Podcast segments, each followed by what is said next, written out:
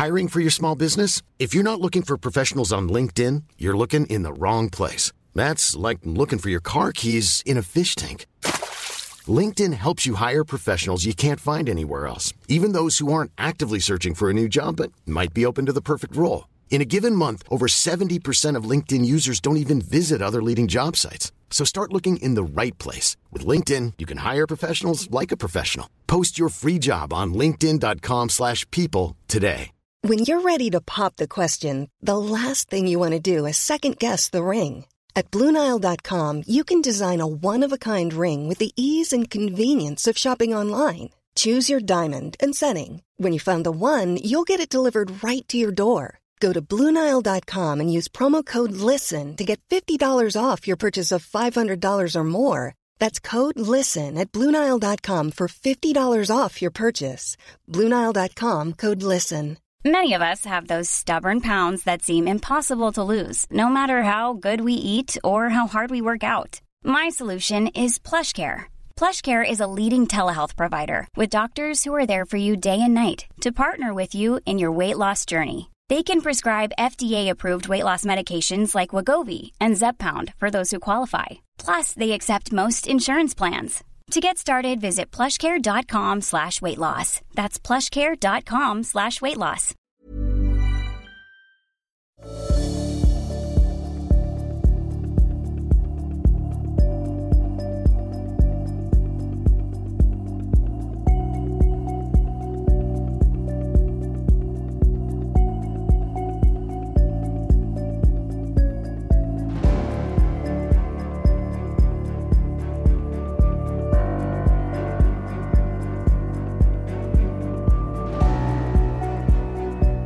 Du lyssnar på podcasten Samtal, en podcast med fokus på fria samtal.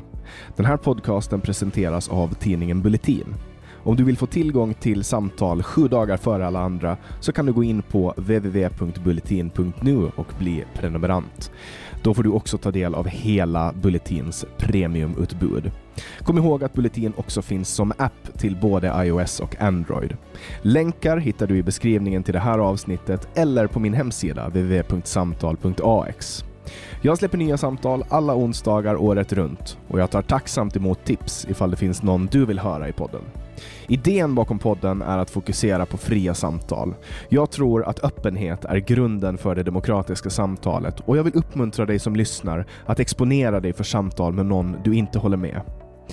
Jag heter Jannik Svensson och du lyssnar på podcasten Samtal.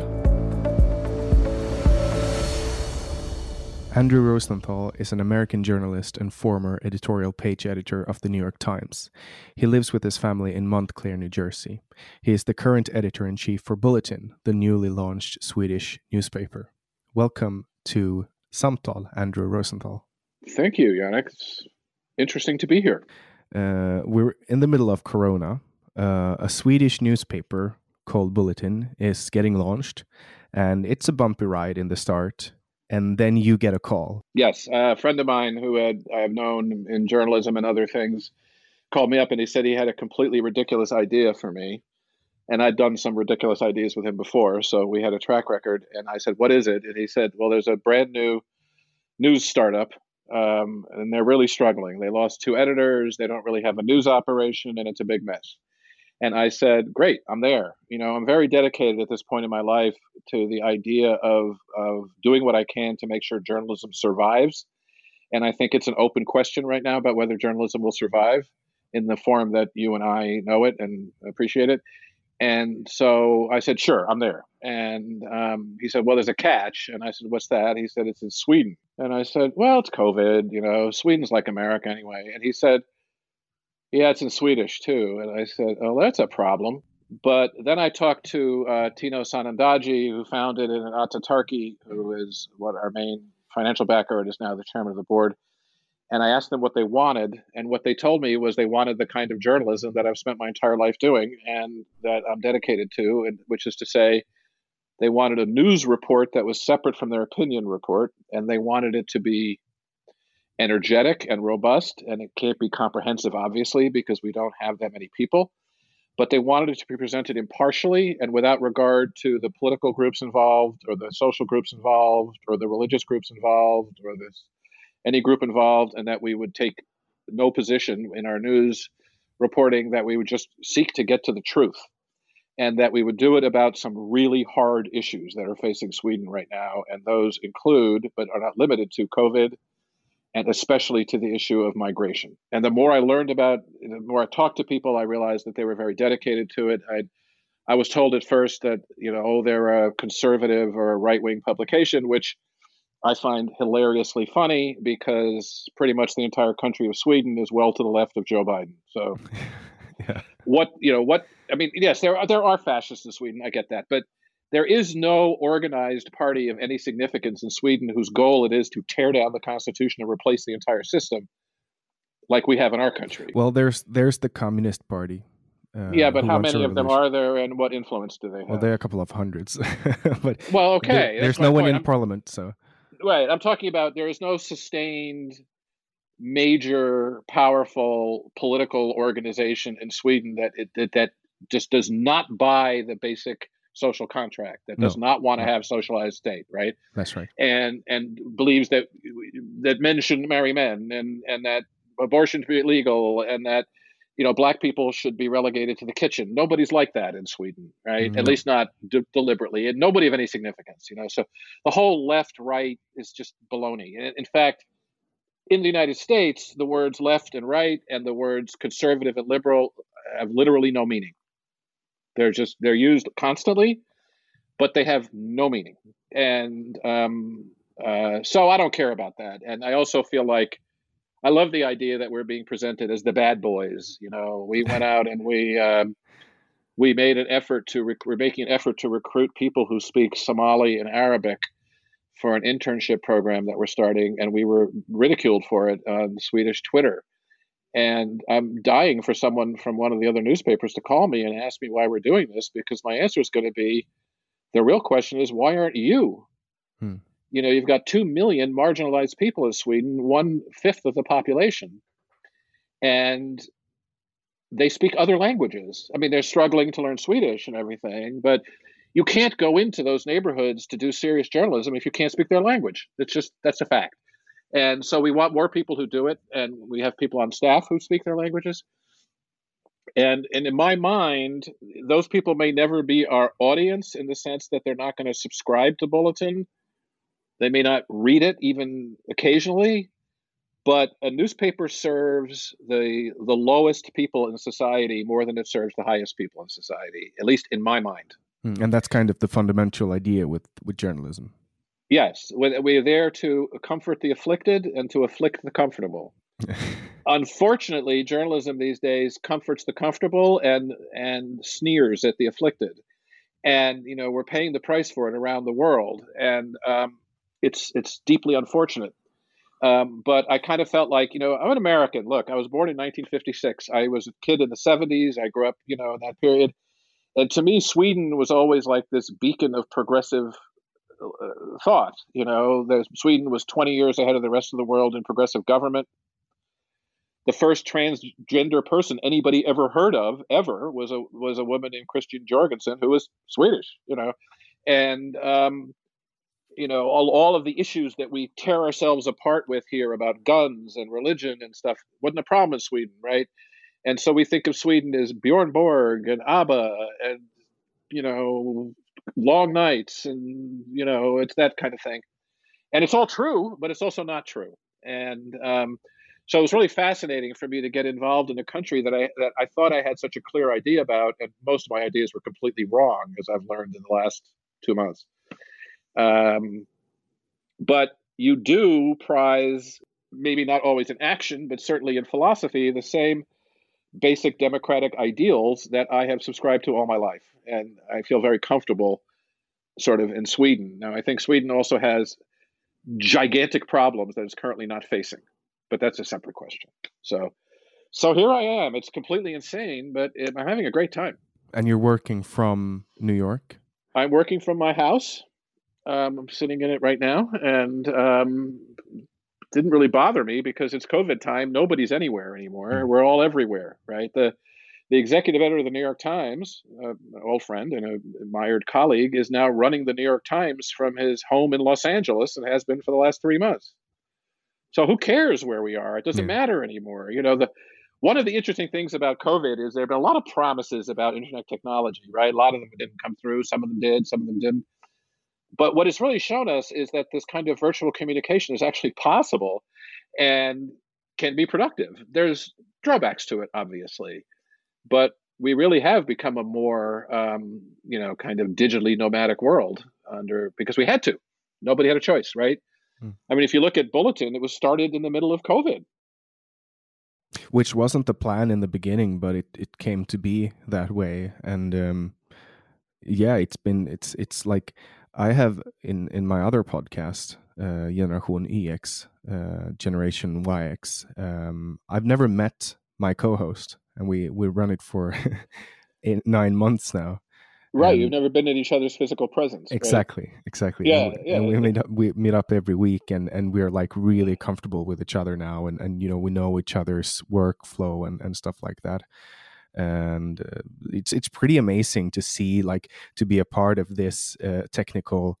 Uh, like we're really elevating to a new technical level. Before, uh, I remember a couple of years ago when I when I worked at um, a company in Stockholm sometimes we had uh, video meetings and I never really felt comfortable with them.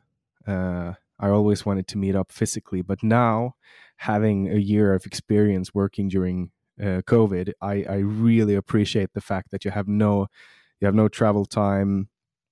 You can always be effective. You can always, you know, turn off your router and get problems with your internet if a meeting takes a little bit too long and stuff like that. I really appreciate What's going it. on? What's going on? I can't hear you. Exactly. Yeah. exactly. I, I totally agree with you. I think there are drawbacks. And interestingly, I read an article not long ago about a study that had been done on um, on the um, uh, uh, bah, bah, bah, on um, Zoom meetings, and what they found was that the the problems, at least in the United States, that um, women have in, in meetings at work are actually worse on Zoom.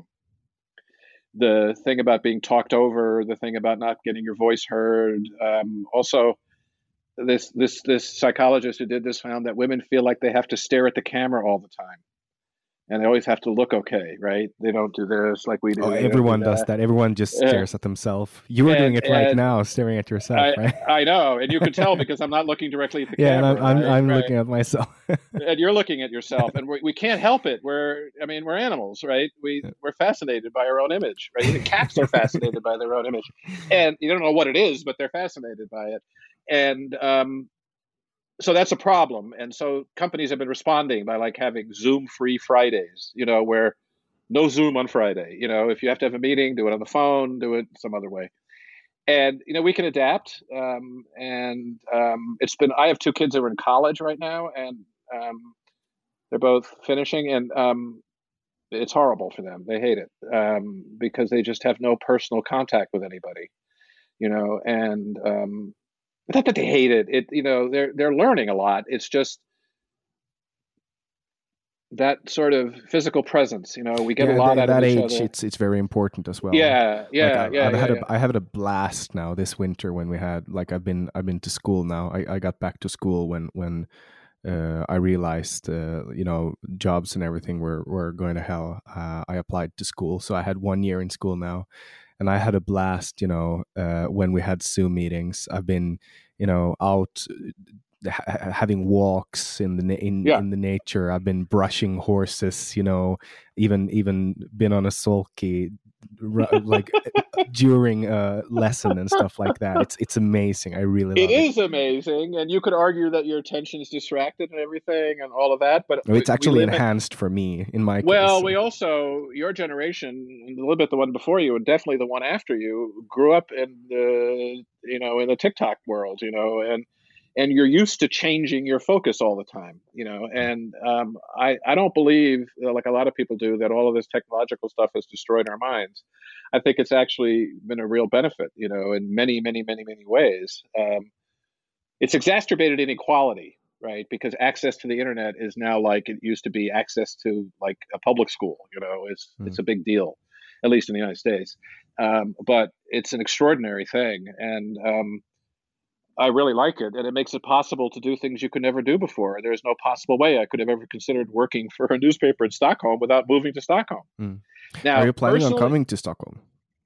yeah, as soon as I can. I mean, personally, I would have preferred to move to Stockholm. I mean, Yeah. obviously, right? I'd like to be in a room with all these people every day and having these organic conversations, which are a little bit harder because you have to arrange everything online. You know, you can't just walk out your door and go next door and say, "Hey, you know, Yannick, what do you think about this?" Right? So, um, if the COVID situation changes, then I will go. Um, I I really like it there. You know, I used to. I was based in Moscow in the mid 1980s. I was there for one of the, like the last gasp of the Cold War, 83 to 87.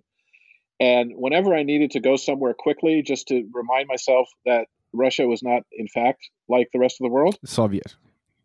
You mean? So Soviet Russia, Soviet Russia, the Soviet Union, yes.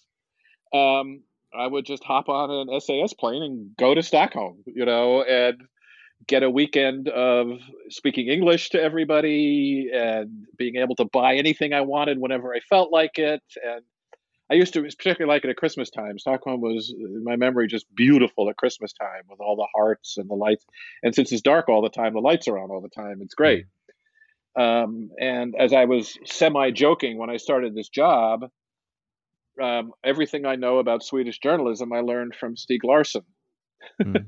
and the girl with the dragon tattoo, you know, which turns out to be pretty accurate, except Well, for the is. dragon tattoo part. I'll, I'll show. I'll But- show you the house from from uh, where where she lived uh, when you come to Stockholm.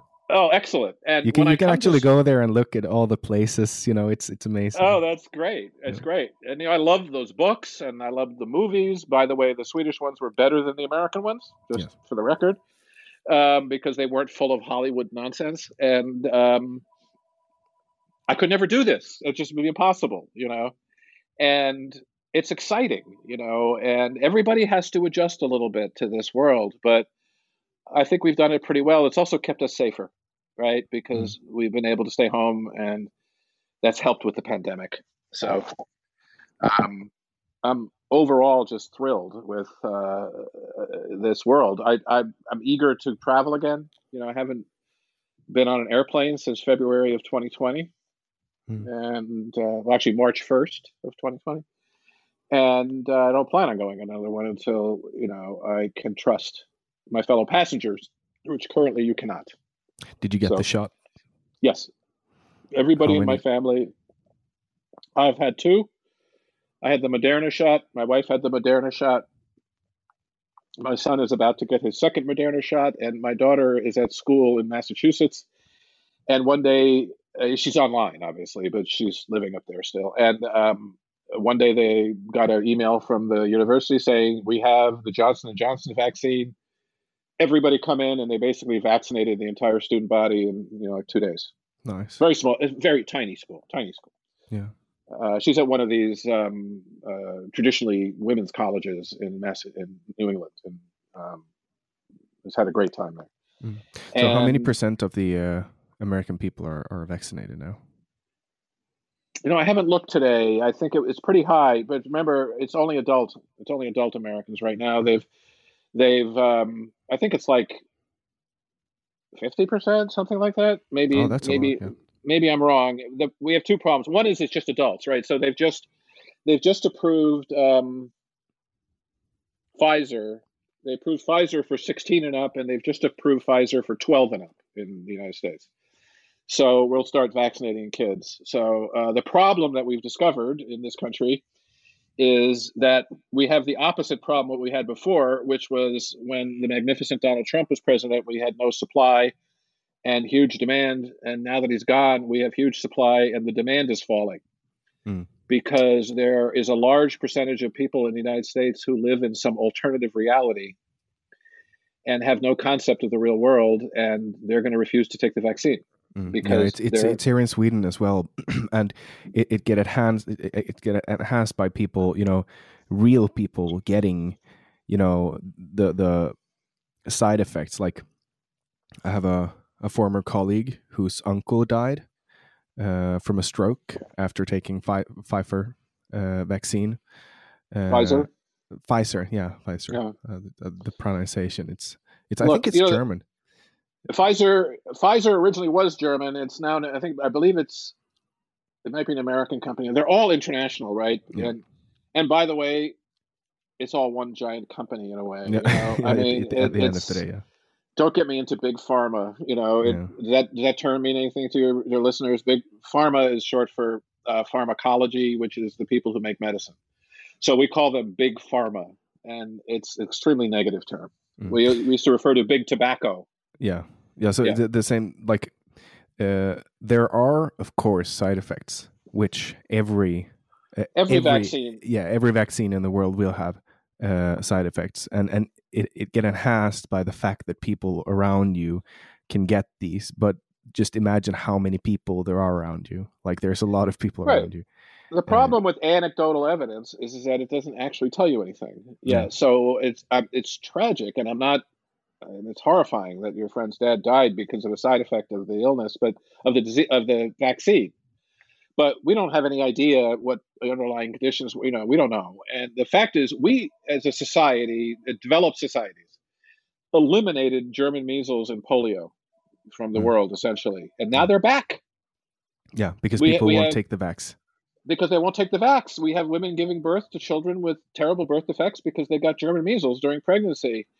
And that to me is like a crime. You, you know, it's not just that you're making the woman sick, but you're dooming their child to, uh, you know, a horrible life. And we don't have the right. One of the things we really learned from COVID was which of our neighbors actually care about us and which ones don't. Mm. Yeah, and I mean, I I mean, like, uh, if if if if one can take one example from someone that you know that knows someone who died, uh, the same person wouldn't take all the thousands of evidence of people who took it and didn't get the. Well, that's the the thing, you know. I mean, my grandfather, when he was uh, 92, dreamt of a number. And so we had somebody bet on, you know what the numbers game is? It's a thing that's done in the kind of uh, the, the ghettos of, of America where you there's a number and it's either like the total number of winnings at the racetrack that day. It's a fixed number and you bet on the number. And he bet on the number, it came in and he, he bet $5 and he got a $1,000 back. That's great. And then he spent the other thousand dollars betting on other numbers, and then he lost every single one of them. You know, so it, it, it, it, it's like people who say, "Well, it was hotter today than it was yesterday, so or it was colder today than it was yesterday, so there must be no global warming." Mm. There's a difference between climate change and just weather. Yeah. You know what I mean? And and um, people don't appreciate that sometimes. But um, I'm hoping that we can break this down a little bit. But it's happening geographically in the United States. That the states that have, um, you know, pardon the expression, morons running them, um, which is to say, members of the the Republican Party have very low demand for vaccines because they because their leaders have been telling them lies about the vaccines for the last year Hmm. And they get their news from propaganda organizations like Fox and, and Breitbart and these other people. And there's no way you can tell them that they're wrong. They just there's just no way. And so I don't know. You know, the United States now you cannot send your child to a public school unless they're immunized. They won't admit them. Hmm. You know, and um, I don't see why we can't have those kinds of rules for society as a whole. Right? No, well, people have been talking about um, Corona passports, like vaccine passports and stuff in, in Sweden. Yeah, and then the first thing that happened with the Corona passport was like so. New York State did a uh, a Corona passport. Basically, they did this thing that showed you, and it came to your phone, and it would show you that you're fully vaccinated. And I read this story from a tech guy, and he said, "I had nothing to do last Sunday, so I set aside the entire day to um, to hack the New York State um, uh, COVID passport." And he said, "I got a friend of mine who had one to give me permission, and uh, and he." And just using his name and information that was available for social media, I had a copy of his COVID passport on my phone in under 12 minutes. Hmm. Yeah.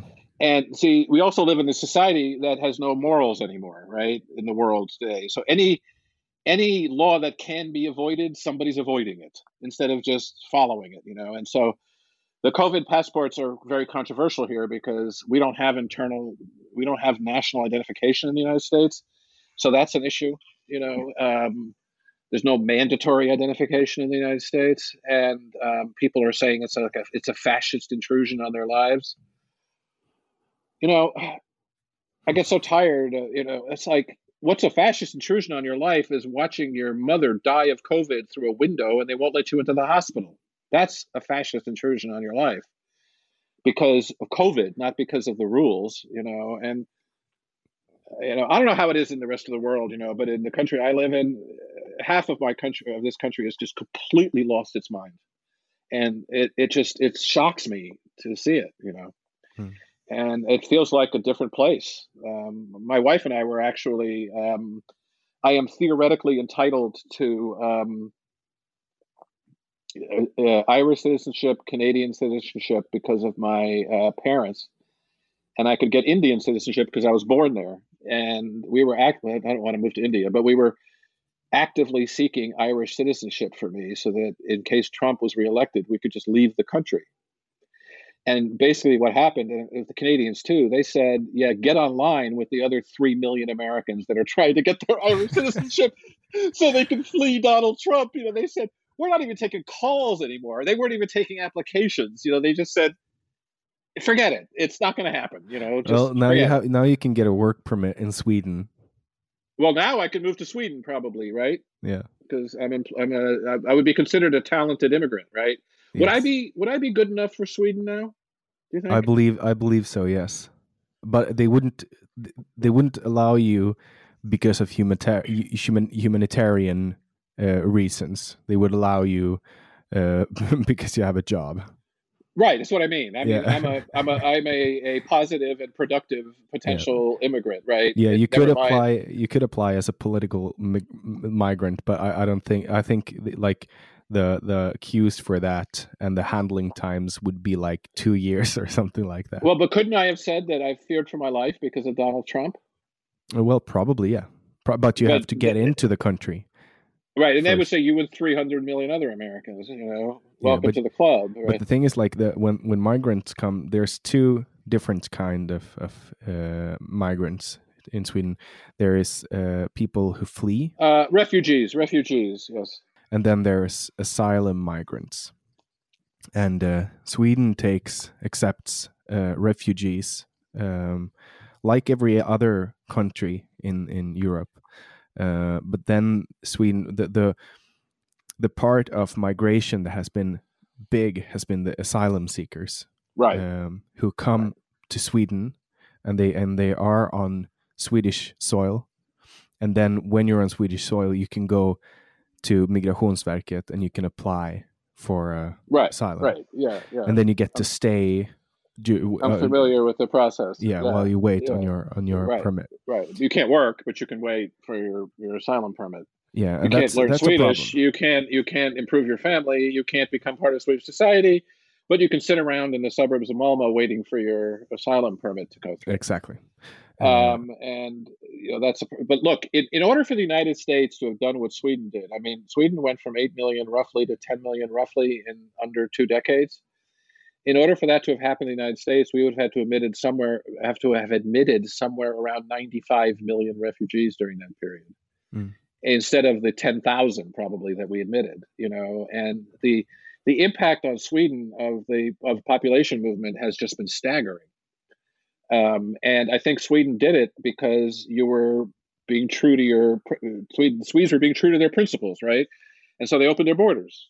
But as far as I can tell, Sweden has done next to nothing to adjust itself to all these people. Mm. You just, I also think it's been like a large portion of uh, the fact that people have been scared to to be uh, called racist which is actually true. Like the you don't hear the debate a lot anymore, but there used to be a time where people could throw the word racist at anyone, and they would uh, they would be so scared.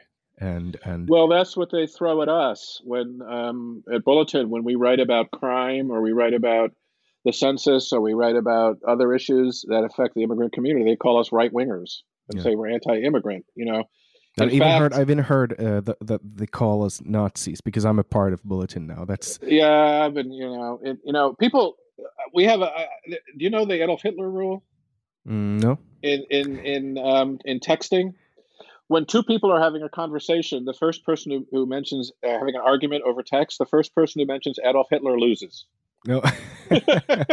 it's like it's like a law of, Uh. of, of, of, of internet communication, you know. And I had an absolute rule at the times that we avoided Hitler references, especially with Trump, even though I don't actually think Trump is as smart as Hitler, to be honest with you. But um, they're tendentious, you know. They don't really get you anywhere. And the purpose of, of throwing those accusations around is to malign the people and belittle them and to and they cannot attack Tino Sanandaji because he's a Kurd or he looks like an Arab, so they attack him for being a right winger, you know, and it's code for in American politics we have a thing called dog whistles.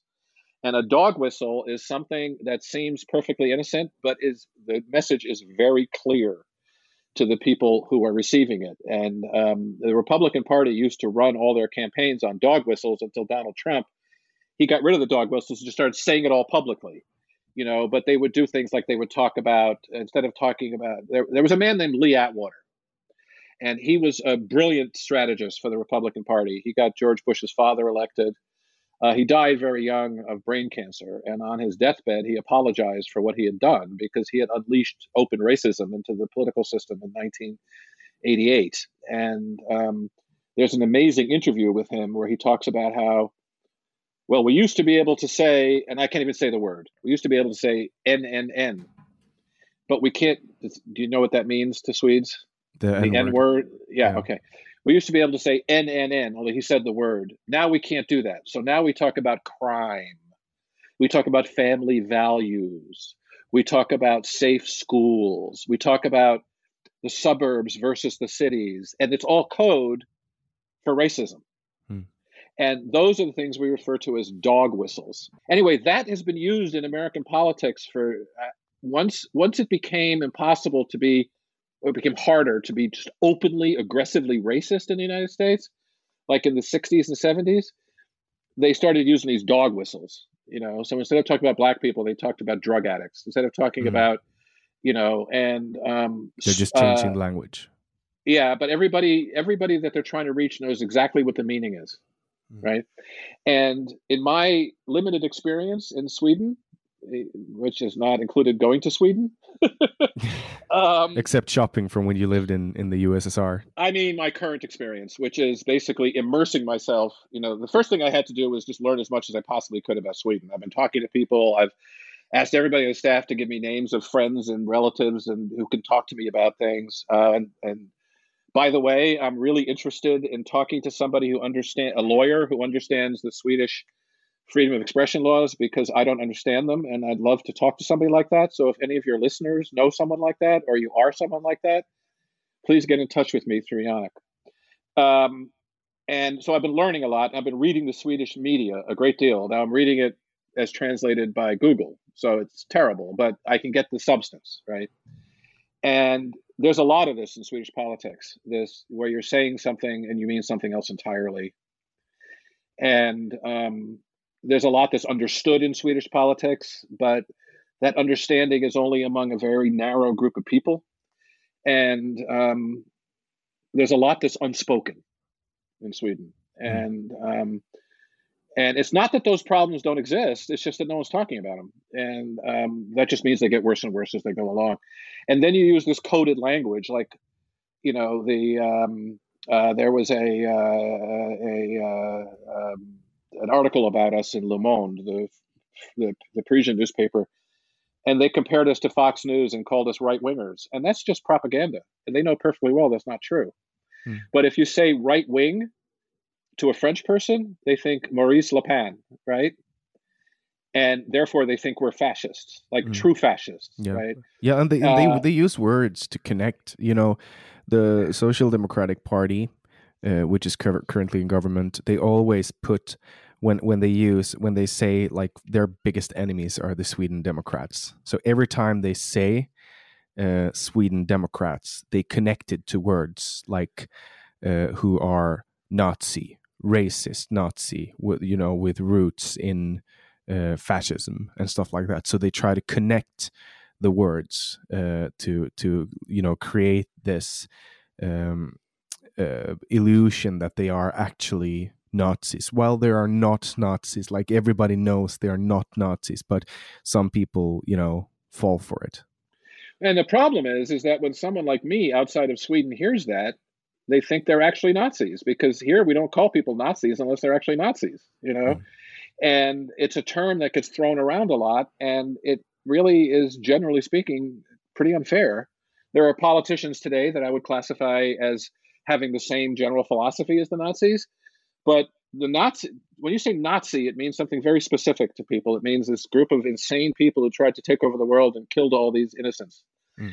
And um, and if you and, you know killed all the Jews and the Gypsies and the homosexuals and the Catholics and everybody else they could get their hands on, and nobody's doing that. None no. of the people that are being accused of this are doing that. And it's so it's so like the the weird thing is that the main targets of Nazis were the Jews and still are the Jews.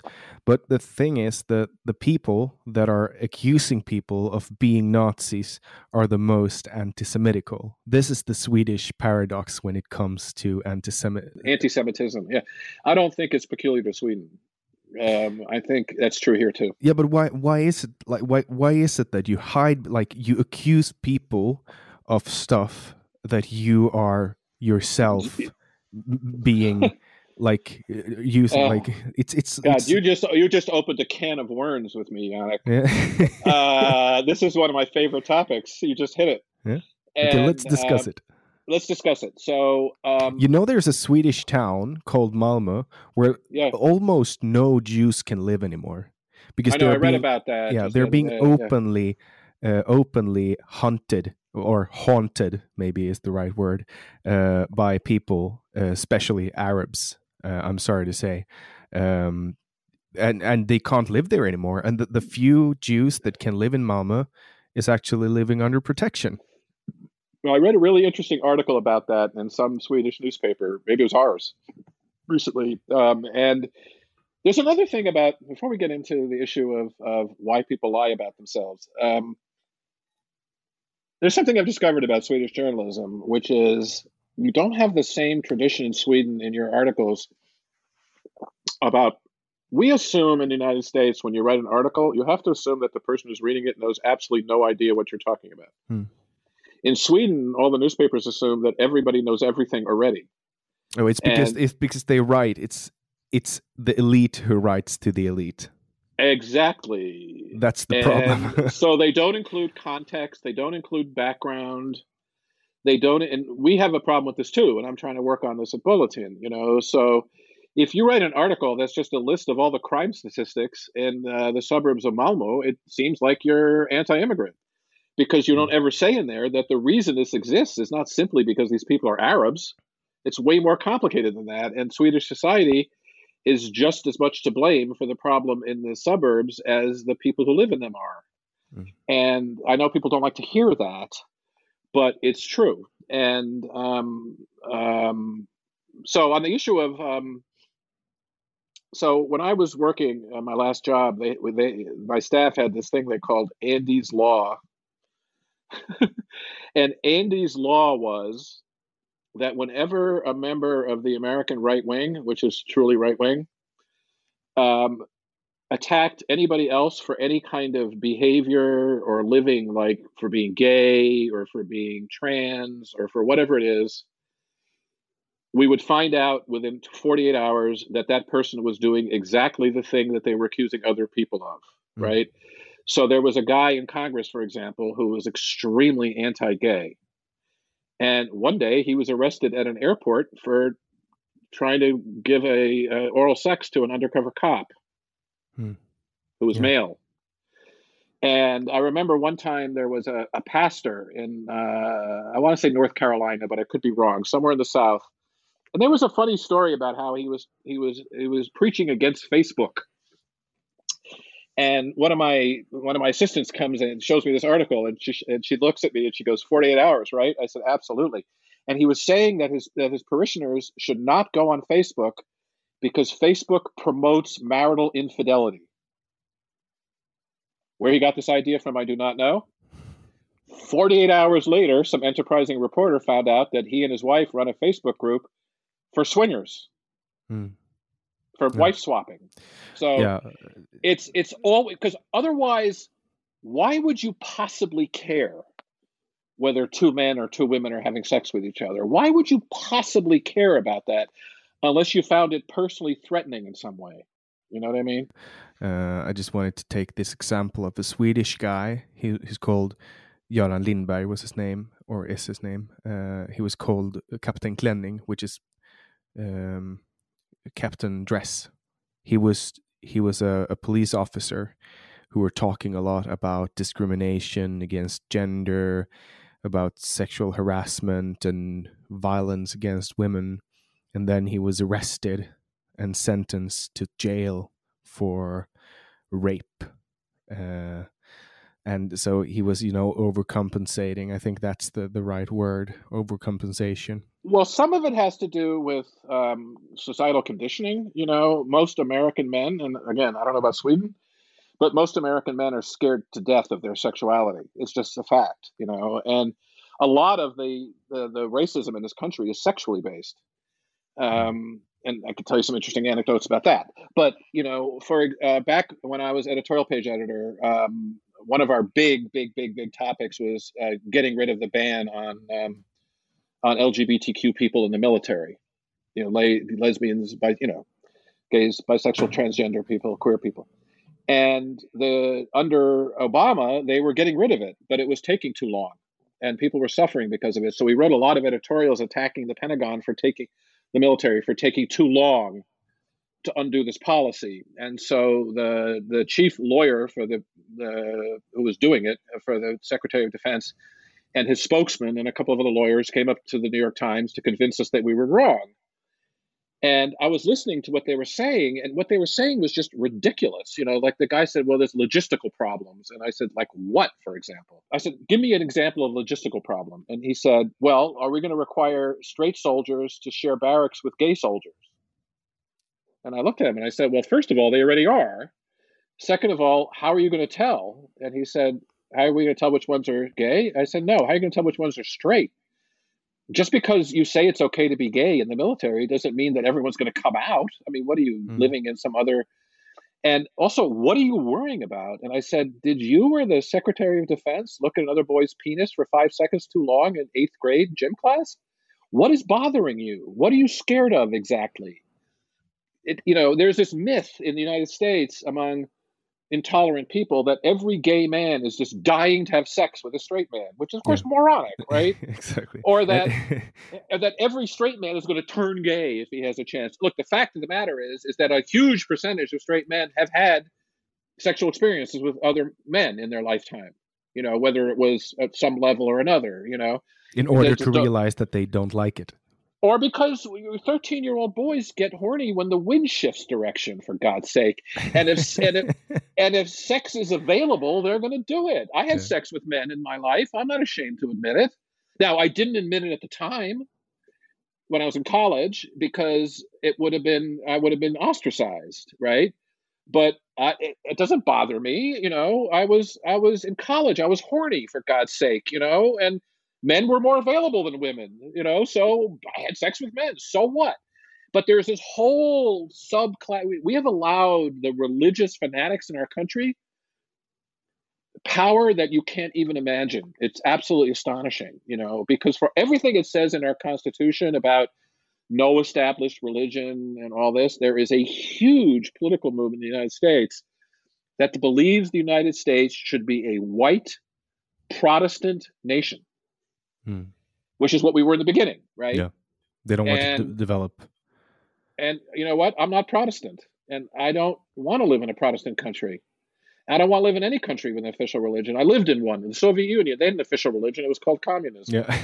and it was a freaking disaster because anytime everything is just based on pure faith as opposed to reason it's it doesn't work Talking about communism, I recently were by a Marxist accused of being a communist because I am so much anti-communists. Uh, I, so he he he used this on me. He said like you What? you you have you have to be you, are very interested in, in, this thing with communism Yannick. i think you might might have some weird attraction to communism maybe you're a communist because i'm anti-communist so but there's so there's a, two kinds of people in the world there's anti-communists and there's people who've never had any experience in a communist country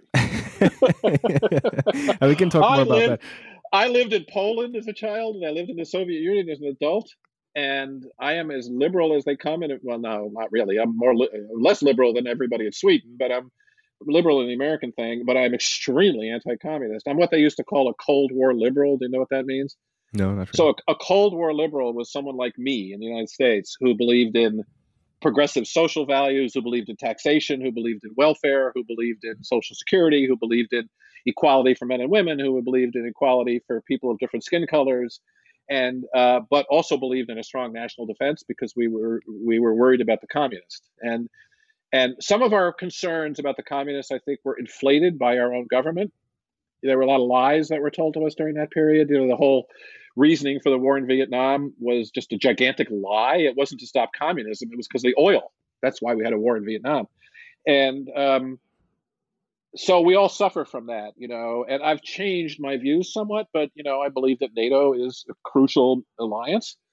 You know, I, I, I'm like most American people with Jewish names. I believe that Israel has a has a right to exist, but I also believe that Palestine has a right to exist. You know, so I'm in this weird kind of of never never land in American politics that doesn't make sense to anybody outside American politics. But um, communism was a failed doctrine in its practice. It may have been brilliant in its conception, but the way it was carried out by human beings, it was a disaster, and it continues to be. Now, is democracy better? It's a good question. We're actually debating that right now in the world, right? Apparently, you can't say that socialism is evil. You well, can't. because you well you use socialism in an entirely different way than the rest of the world uses it. You just well, do. Yeah. Well, they write they write stuff into the words, but in my in my world, socialism leads to communism, which Vladimir Lenin said it's it's communism is the goal of socialism. Yes. And that's what happened in the USSR. That's yes. how USSR was formed. They had the socialistic ideas and then they just followed the plans. They had the revolution and they they put the state in a state of communism, and it was horrible. It was it was a disaster.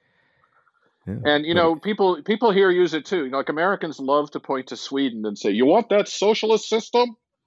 You know, and they use socialist there with a big S, an uppercase S in English, which indicates that it's a name. You know, yeah. And it's not the same socialism. It just isn't. And then the fact of the matter is, we have the same. We have socialized medicine in the United States. It's called Medicare mm. and Medicaid. You know, it's just not available to everybody like it is in Sweden. You either have to be really poor or really old in order to get it. You know, mm. and um, we use these oppressive powers, which I would, I'm sorry, include the Swedish government right now. Um, and the Swedish society, not Swedes, I'm talking about the system, um, tend to use words like that, and they love labels like that because it creates apartness and it creates, you know, it enhances the identity of the powerful and it weakens the identity of the weak, and it it it's the kind of you know sort of propagandistic behavior in the United States for 200 and 240 years the the the the the parties were referred to as the Republican Party and the Democratic Party, mm. right? In, in around 2015 2016 the republicans and the republicans in the united states are incredibly disciplined when it comes to message it was like they all simultaneously stopped referring it to it as the democratic party and started referring it to it as the democrat party mm. Yeah, because, because they, they, they, didn't want. Democrat. well, because they didn't want to imply that it was more yeah. democratic. You know what I mean? Small yeah. d, democratic. You know. Yeah. And this well, is maybe we should do that in Sweden. Uh, Socialdemokratpartiet. Yeah, you could do that, or you can instead of instead of what do you have the Social Democrats and the um, the Christian Democrats, right? Yeah. So they you could change them to the Sock Democrat and to the the Chris Democrat. it's like well, they they're actually like some people that call because we have Liberalerna, which is right. They call themselves the liberals, and in Sweden, that's something like if you're a liberal in Sweden, that means you you have thoughts of freedom. You want people to be free. You want the market to be free, and stuff like that. It's not like in the U.S. where liberal is something you're like kind of, kind of like a socialist. But the liberals here in Sweden has started to crawl so much onto the lap of the uh, social democrats. So some people call them slib, which is like they just put together S and L I B, which is oh like, slib. I like that. Which, which would be some kind of like you know something slimy, something. Blah. Yeah, well, we also have um, the the expression. Have you ever heard? You know what a rhino is? It's not a not a rhinoceros, yeah, but uh, okay. R I N O. It's it's an insult that Republicans use, and it refers to Republican in name only. Yeah. So Okay. any any Republican who's not a racist, a fascist, a religious bigot, and a and a corporate statist, like Mitt Romney, for example, may not be a familiar person to you, but he's yeah, he is was cons- he was running against Barack Obama. yeah, right, and got got hammered. Um, and um, uh, he's called a rhino because he doesn't support Donald Trump. Yeah. And just recently, um, the just yesterday, the Republican Party stripped this member in Congress, uh, the, the House of Representatives. They stripped her of all of her leadership positions. She was the number three person in the leadership. Her name is Liz Cheney. Uh, she's the daughter of the former Vice President Dick Cheney. And because they said she wasn't good enough for the Republican Party because she didn't agree with every single thing Donald Trump says, and she's been saying that the election was not in fact stolen. Mm. Okay, And they- they- so, so she's now being treated by the Republicans as a liberal, and all the liberals are, are acting like she's some kind of a great figure. This woman is a right wing lunatic. It's just that she's not crazy enough to follow Donald Trump. That's all. That's the only difference. You know, every one of her policies is horrible and abhorrent, Mm. and she destroyed her own sister to become to, to get elected. Her sister is it's gay interesting. And and um, she attacked her own sister in public in order to improve her chances of getting elected uh, to Congress. Yeah, that's dirty. So how does this person get get to be anything good at that at this Yeah. point? You know, like people in the country, like everything is relative. So everybody in America is now all nostalgic for George W. Bush. George W. Bush was a disaster. Just because he wasn't as big of a fascist lunatic as Donald Trump, you know, Yeah. and and there's all this. He started wars. He dropped Yes, a he- lot of bombs. he and he lied about them. Yeah. Well, they always lie about the wars, but you know. Do you know that until 2018, in the state of Texas, 2018 was three years ago, right? In the state of Texas, it was illegal for any book used in public schools to mention that slavery was an issue during the Civil War. What was it? A law. A law, a state so there law. was a written law saying that. yes. That's that's fucked up. I know. And and right now, do you know what the Alamo is? Is that a familiar term to you and No. your readers? Probably not. So the Alamo was a fort in Texas. It was actually originally a Spanish church. Uh, but when there was a war between the United States and Mexico over the border, this is in, in the 19 in the 1800s. Um, uh, the city of what is now the city of Austin, Texas, which is the capital, was occupied by the Americans, um, the Texans, and they, there's this fort there called the Alamo. And according to American historical tradition, there was all these brave people there, and some of the great figures in our history were there. Davy Crockett was there, who was like one of the great kind of folk heroes of the American uh, frontier, and some of the great Sam Houston and these other people. And the story is that these brave men were defending this fort, and the hideous um, Mexicans under the leadership of uh, I just forgot his name. I'm getting old. Came and they they killed every single one of the people in the fort. They were all killed. And there was a movie called The Alamo with John Wayne, and it's the only movie with John Wayne in which he's killed because he plays one of the people and he plays Davy Crockett or someone like that.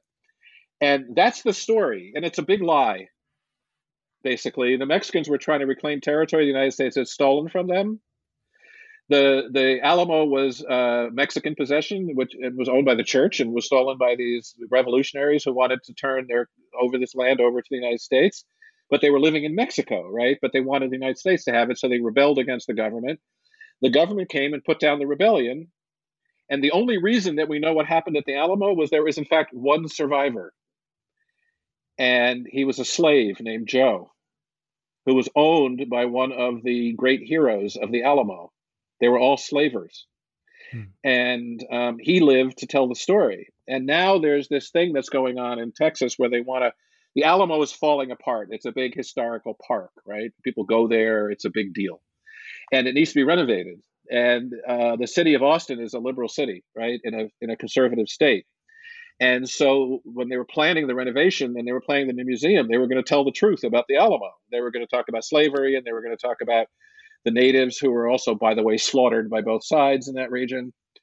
And um, there's been a civil war in Texas over it. And they've now passed a law in the state legislature that says that the Alamo Museum cannot mention slavery. That's that, that's like limiting the the freedom of speech. Nobody has freedom of speech. You no, don't have it. We don't have it. No, but it's it's the it's it's crazy. It's outrageous. And these yes. are the people who scream about cancel culture and the woke left. You know, in this country, by the way, when you hear about cancel culture and the woke left in this country, cancel culture was invented by the right wing in this country, not by the left wing. And um, and, and and identity politics was invented by the right wing, not the left wing. And it's one of the great lies of modern America that all these awful lefties are going around, you know, uh, with all this political correctness and everything. It's complete nonsense.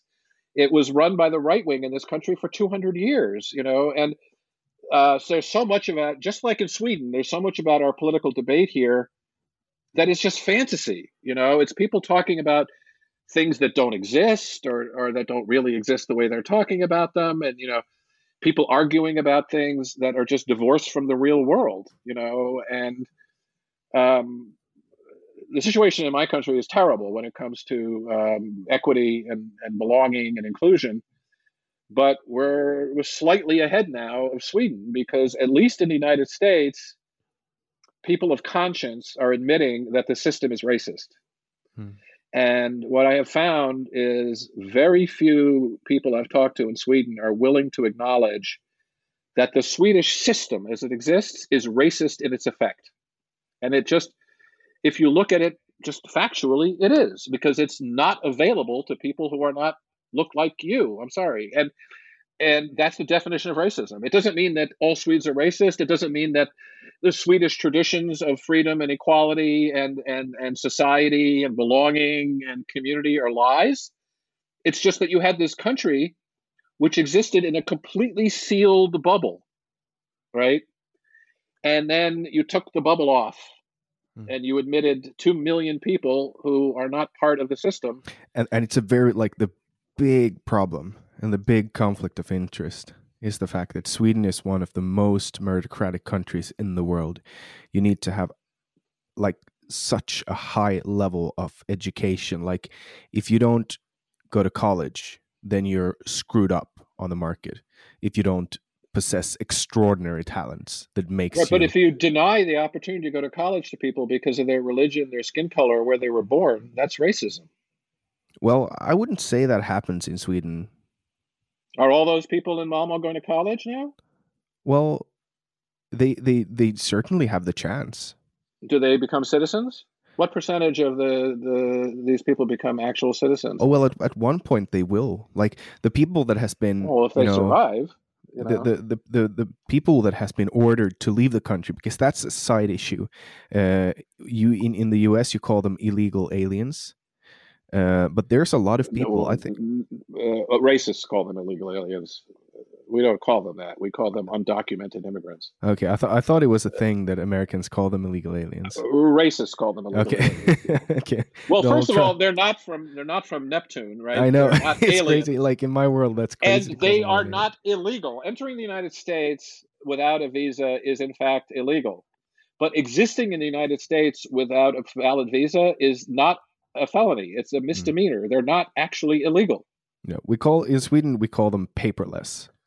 Paperless is better. Undocumented. It's the same word. Yeah, yeah it's just a translation. So there's I, someone I, I, I can't I can't uh, back up these numbers right now, but someone said uh, it's it could be up to like two hundred thousand paperless people in Sweden, more than two two hundred thousand. Well, that's a, that's a lot. You know? It's a lot. And I was watching. A, look, I don't pretend to be an expert on Sweden, and I don't want to come in there and judge Sweden with my American haughtiness. You know American haughtiness has gotten us into the problem we're in right now with global warming and intifadas and everything else. So uh, let me just drop that.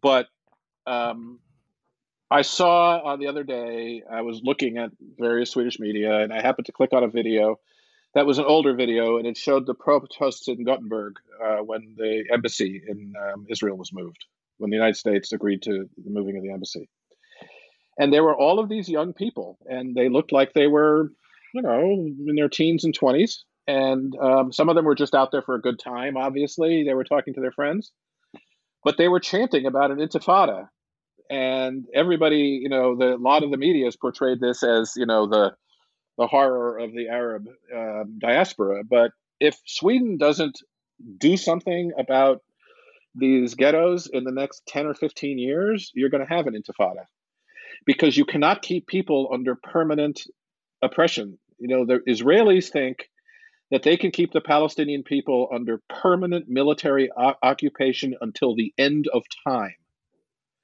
And if you apply a gram of sense to that, nothing happens until the end of time. And um, it's insane. You can't. This is, you know, one of the reasons the Soviet Empire fell apart was because they took all of these disparate communities they put them in one country and then treated them like shit. Can I say shit on tel- on radio? And, they treated everyone equal, sir. yeah, right. Yeah, they treated right. everyone like shit. Yeah, well, no, they didn't. There were some no, people who were treated more shittily than the other. Yeah, people. yeah, but no, and, and not and, the party, of course, you know, and not, not, the party, party of course. Yeah. And what's happened in Russia is they've substituted communist power. Now it's just capitalism. Hmm. It's the same fucking country. It's just I'll, I'll, try not to do that too much. It's the same country. No, it's okay. It's you just can swear on my podcast, dude. It, it, okay. instead of what determines your place in society is party power, now it's money, like the rest of the world. You know, I realized recently, and maybe to everybody this is sort of blindingly obvious, but to me it was a big sort of cognitive breakthrough. The Cold War was not a war between democracy and communism. It was between capitalism and statism, and capitalism won. Democracy didn't win capitalism won. Mm. And, and, I just have to I, I, just have to to to say to the listeners that you emphasized that by removing your glasses and looking straight in the, into the camera. Thank you. I did. It's a habit. I have multiple habits. One of them is no. It's it's a good one. You know, when you when you really yeah. want to to make a point, I I use I do it as well. I well, people can't see your eyes through the glasses, and mine reflect. You have non-reflecting glasses, but I don't. So well, I have blue light uh, filter on them, so they. I have a blue light filter too. Yeah, I have that. Do you too. sleep better now when you have it? No, no. And uh, my eye doctor said that he recommended them to everybody. He did, there's no medical reason for it to work, but it seems to.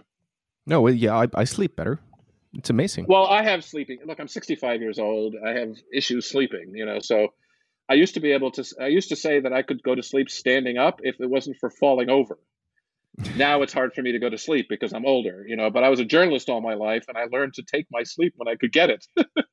you know, yeah. and you know, I'd be on a campaign and we'd get on the bus to go to another event and I would just go right to sleep, you know, because I knew that that half hour drive was the only sleep I was going to get all day, you know. So, uh, but now I can't sleep anymore. But these do help with my headache. They don't. I don't get headaches anymore from hmm. looking at the screen.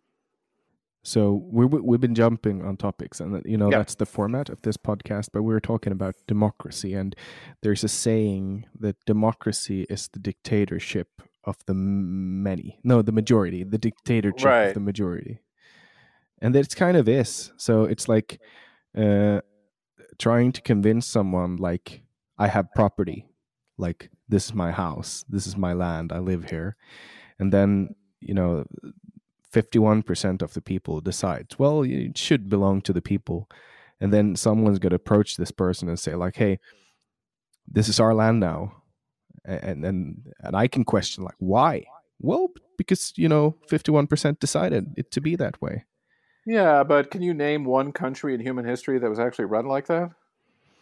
Well, with it's a lot of times the state takes, like in Sweden, you know, they take property and ground to, to make Right. roads and stuff. Right, but that's different, right? Because those things are governed by laws that are presumably, you know, the will of the collective, right? I mean, so your ownership of property is not governed by a vote of the people, it's governed by laws that were put in by the representatives of the people who got there by their vote. And well, that's it, why it, it could have been, you know, in the family possession long before the country was formed. For example, Finland uh, is it's not more than a couple of like a couple of more than uh, hundred years old. You know, it's just hundred and four years old or hundred and three years old or something. Uh, my grandmother was born in in the Russian Empire, but she was born on Åland Islands, so was my grandfather.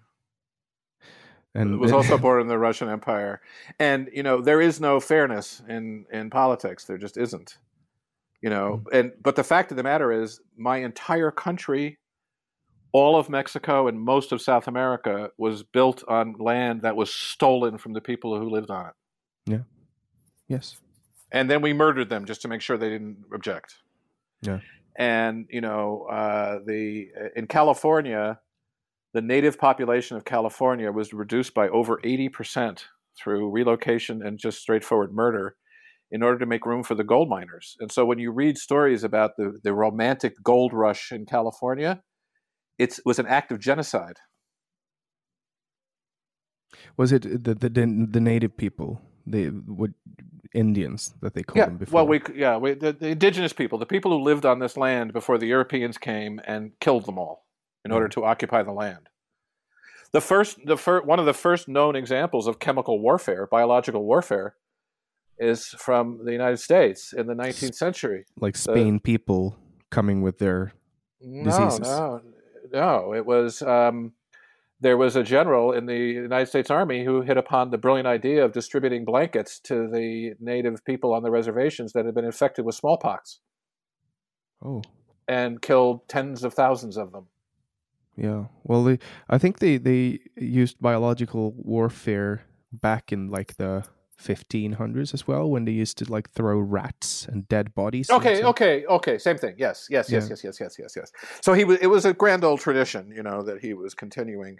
In the United States, anti-native racism is not only tolerated; it's celebrated. How? It's part of it's part of our culture. We have football teams, uh, we have sports teams that name themselves racist names and have racist chants. Um, the whole cowboys and Indians thing is deeply baked into our society. American, I got radicalized about race when I was um, uh, 12 years old, and I was assigned to write an article. I was taking a uh, uh, not an article, a, a paper for school, and I was taking a class about uh, Native Americans and I chose to write about the uh, how the Native Americans were portrayed in what we now call media, but back then we didn't call it that. We called it books and newspapers, right? And I, I happened to my family had joined this private library, which had an extraordinary collection of original material. And I was disgusted by what I found, and I ended up at the age of twelve writing a 200-page paper for my teacher, who uh, didn't know what to do with it. You know, and he read it. And he said I, I, I, he didn't know what to say. You know, and I was just so disgusted by what I found, and nothing has changed. You know, as a Uh, 12 year old. as a twelve-year-old, yeah. Hmm. Because that was the time in my life when I was being educated in how to be a racist. You know, I'll give you another example. So- but you lived in India. then. no, I lived in New York City at that time. Okay. So when did you move to the US? Uh, so I was born in India in 1976. Um, my father was a correspondent for the New York Times. We moved from India to Vienna, and then from Vienna to Warsaw, from Warsaw to Geneva, and then from Geneva to Tokyo, and then from Tokyo to the United States. Uh, and I was around eight when we settled back in the United States. And I had, But I had 76. 56. I was born. Oh, yeah, okay. I heard 76. I was like, no, you're you, No, no. you're not born 76 if you're 64. No, I was born in 1956. yeah, okay, yeah. Um, on the same day as George Harrison, by the way, February 25th. yeah. and um, the most underrated Beatle, I think. And well, I think uh, Ringo Starr is the most underrated. You heard him sing on Octopus's Garden, and he. I don't even- think he's underrated. I don't think he was that great. And uh, but I think George was a t- musical talent. I mean, J- John Lennon walked on water, as far as I was concerned, right? But because just as also as a social leader, you know, leader of the anti-war movement, and everything else. But George Harrison's virtuosity was incredible. Mm. Well, but you the know? the best Beatles guitars came actually from Eric Clapton. Well, because of of uh, uh, While my, My- well, my, My guitar, Guitar- gently weeps, right? Yeah. but there's also incredible George Harrison guitar on a lot of other things, you know. And have you ever have you ever um, go online and look up do Bob Dylan anniversary concert? And it was the 25th anniversary of the first release of a Bob Dylan record, so it was like in 1999 or something and there's a, a uh, they do a version of uh, every great musician at the time was there and um, popular musician and they do a version of my back pages do you know that uh, bob dylan song Yeah, the chorus so. is I think oh I've but seen i it on was YouTube. I was so much older then i'm younger than that now. And he talks about how he's he was old when he was young and now he's young when he's old. He was only like 24 at the time but never mind. And um, it, it is performed by um, uh, Ringo Starr, Phil, not Phil Collins, Ringo Starr, Tom Petty, Roger McGuinn, um, Eric Clapton, George Harrison, Bob Dylan, um, and two others whose name I'm forgetting. Right, and there are these great back and forths where you can really hear the difference between George Harrison playing guitar and Eric Clapton playing guitar. Yeah. You know, both equally amazing, but very distinctly different. Yeah. You know, it's fascinating to listen to. I'm a guitar player, so I'm, I'm obsessed with this. Anyway, what were we talking about? I don't know, but I like the topic of music. Uh, music is the soundtrack of my mind. You know, I mean, I was I grew up in the '60s, in the '70s and '80s. I was, like I say, I was in 1973. I was 17 years old. You know, I can tell you where I was standing, who I was with, when, and I, I was standing on the corner of 64th Street and First Avenue in Manhattan. It was after school on a Wednesday afternoon, and my friend Larry Campbell. I had just recently come back from Japan. I didn't know what rock music was. Right, I was not an American kid, and he had this red transistor radio. You know what a transistor radio is? Those little things that only got AM radio, right? And he put it on WABC, which was the big new music station in New York, and I heard "Love Me Do" yeah, come out of this radio, and it changed my life forever. yeah. It just changed my life forever. And But that um, must have been like 1968. Four. Oh, it was four. Yeah, it was earlier. Yeah. So when like uh, when you're like you said that the year 73, that's the year of Dark Side of the Moon. Yes. Uh, and, and when you said like when I, th- I thought you were going to do an eagle reference where you're saying I was standing in the corner. I, I thought about Standing on a corner in Winslow, Arizona. Such a fine sight to see. It's a girl, my lord, in a flatbed Ford. slowing down and take a look at me. I'm a huge Eagles fan, and I'm really pleased you said Eagles and not the Eagles because their name was Eagles, not the Eagles. And they still have the best selling album in history. Their uh, greatest hits album was the best selling album on LP in history. Anyway, so um, I, 2008, we, we went out to the um, Democratic Convention in Denver because I wanted, I was covering it, and I wanted my children to see Barack Obama get nominated. So my wife and I took the kids on this big tour of Colorado, New Mexico, and Arizona. And we're driving through Arizona, and I see an exit for Winslow. oh, So I pulled right off the highway, and there's a statue of Yeah. uh, on the corner of Winslow, uh, this corner in downtown Arizona. And we went there, and we we did selfies in front of the statue because I had raised my children on this music, you know. yeah. And And they to everyone who doesn't know the reference, it's it's uh, from an Eagle song called um, uh, "Take It Easy." Right, This is this amazing, like this amazing lyrics. It's so good. It's like the song itself is it's uh, amazingly simple in its composition, uh, Right. but the the lyrics are absolutely it's amazing. it's four chords, yeah, know, it's a yeah, four chord uh, song, like every like other most, great song. like every other great song. Yeah, there are many songs that are actually the exact same song, like um, uh, "Sweet Home Alabama," uh, "Fly Like an Eagle," "I Shot the Sheriff," and "Knocking on Heaven's Door" are the same song. so it's it's it's C G A minor and F. Yes, and That's- actually, there, there's a school of thought in, in music that you only need to know three notes, three chords on the guitar A, F, and B. And if you know A, F, and B, you can play every other chord hmm. No, probably And, they, they are hard, uh, hard just by moving them up and down Yeah. the neck of the guitar. Yeah, and F and know, B are quite hard for an untrained hand. Yes, because they're bar chords. Yes. you know you have to put your finger on them and um, i started playing guitar when i was in my mid 50s uh, my son was taking guitar lessons he was a kid and um, i was buying him a new guitar and i mentioned to the salesman that i had taken classical piano lessons as a child and i didn't like it because i always wanted to play the guitar and he said so why don't you start and i said well that's ridiculous i'm 55 years old why would i he said fine when you're 60 you'll be able to play and so that year for my birthday he sold a my- guitar. no, no, I didn't. I said that's ridiculous. So that day for my that year for my birthday, my wife and kids bought me a guitar, and and and and lessons, and I started playing, and I never stopped. It's it is. Uh, it's one of. The, I used to ride a motorcycle, and I got the same thing out of it, except that motorcycles can kill you, and guitars probably won't. Um, no, but they can kill your economy. when you're riding, yeah, they can. You're when you're riding a motorcycle, you don't think about anything else except riding the motorcycle because if you're thinking about other things, you'll die.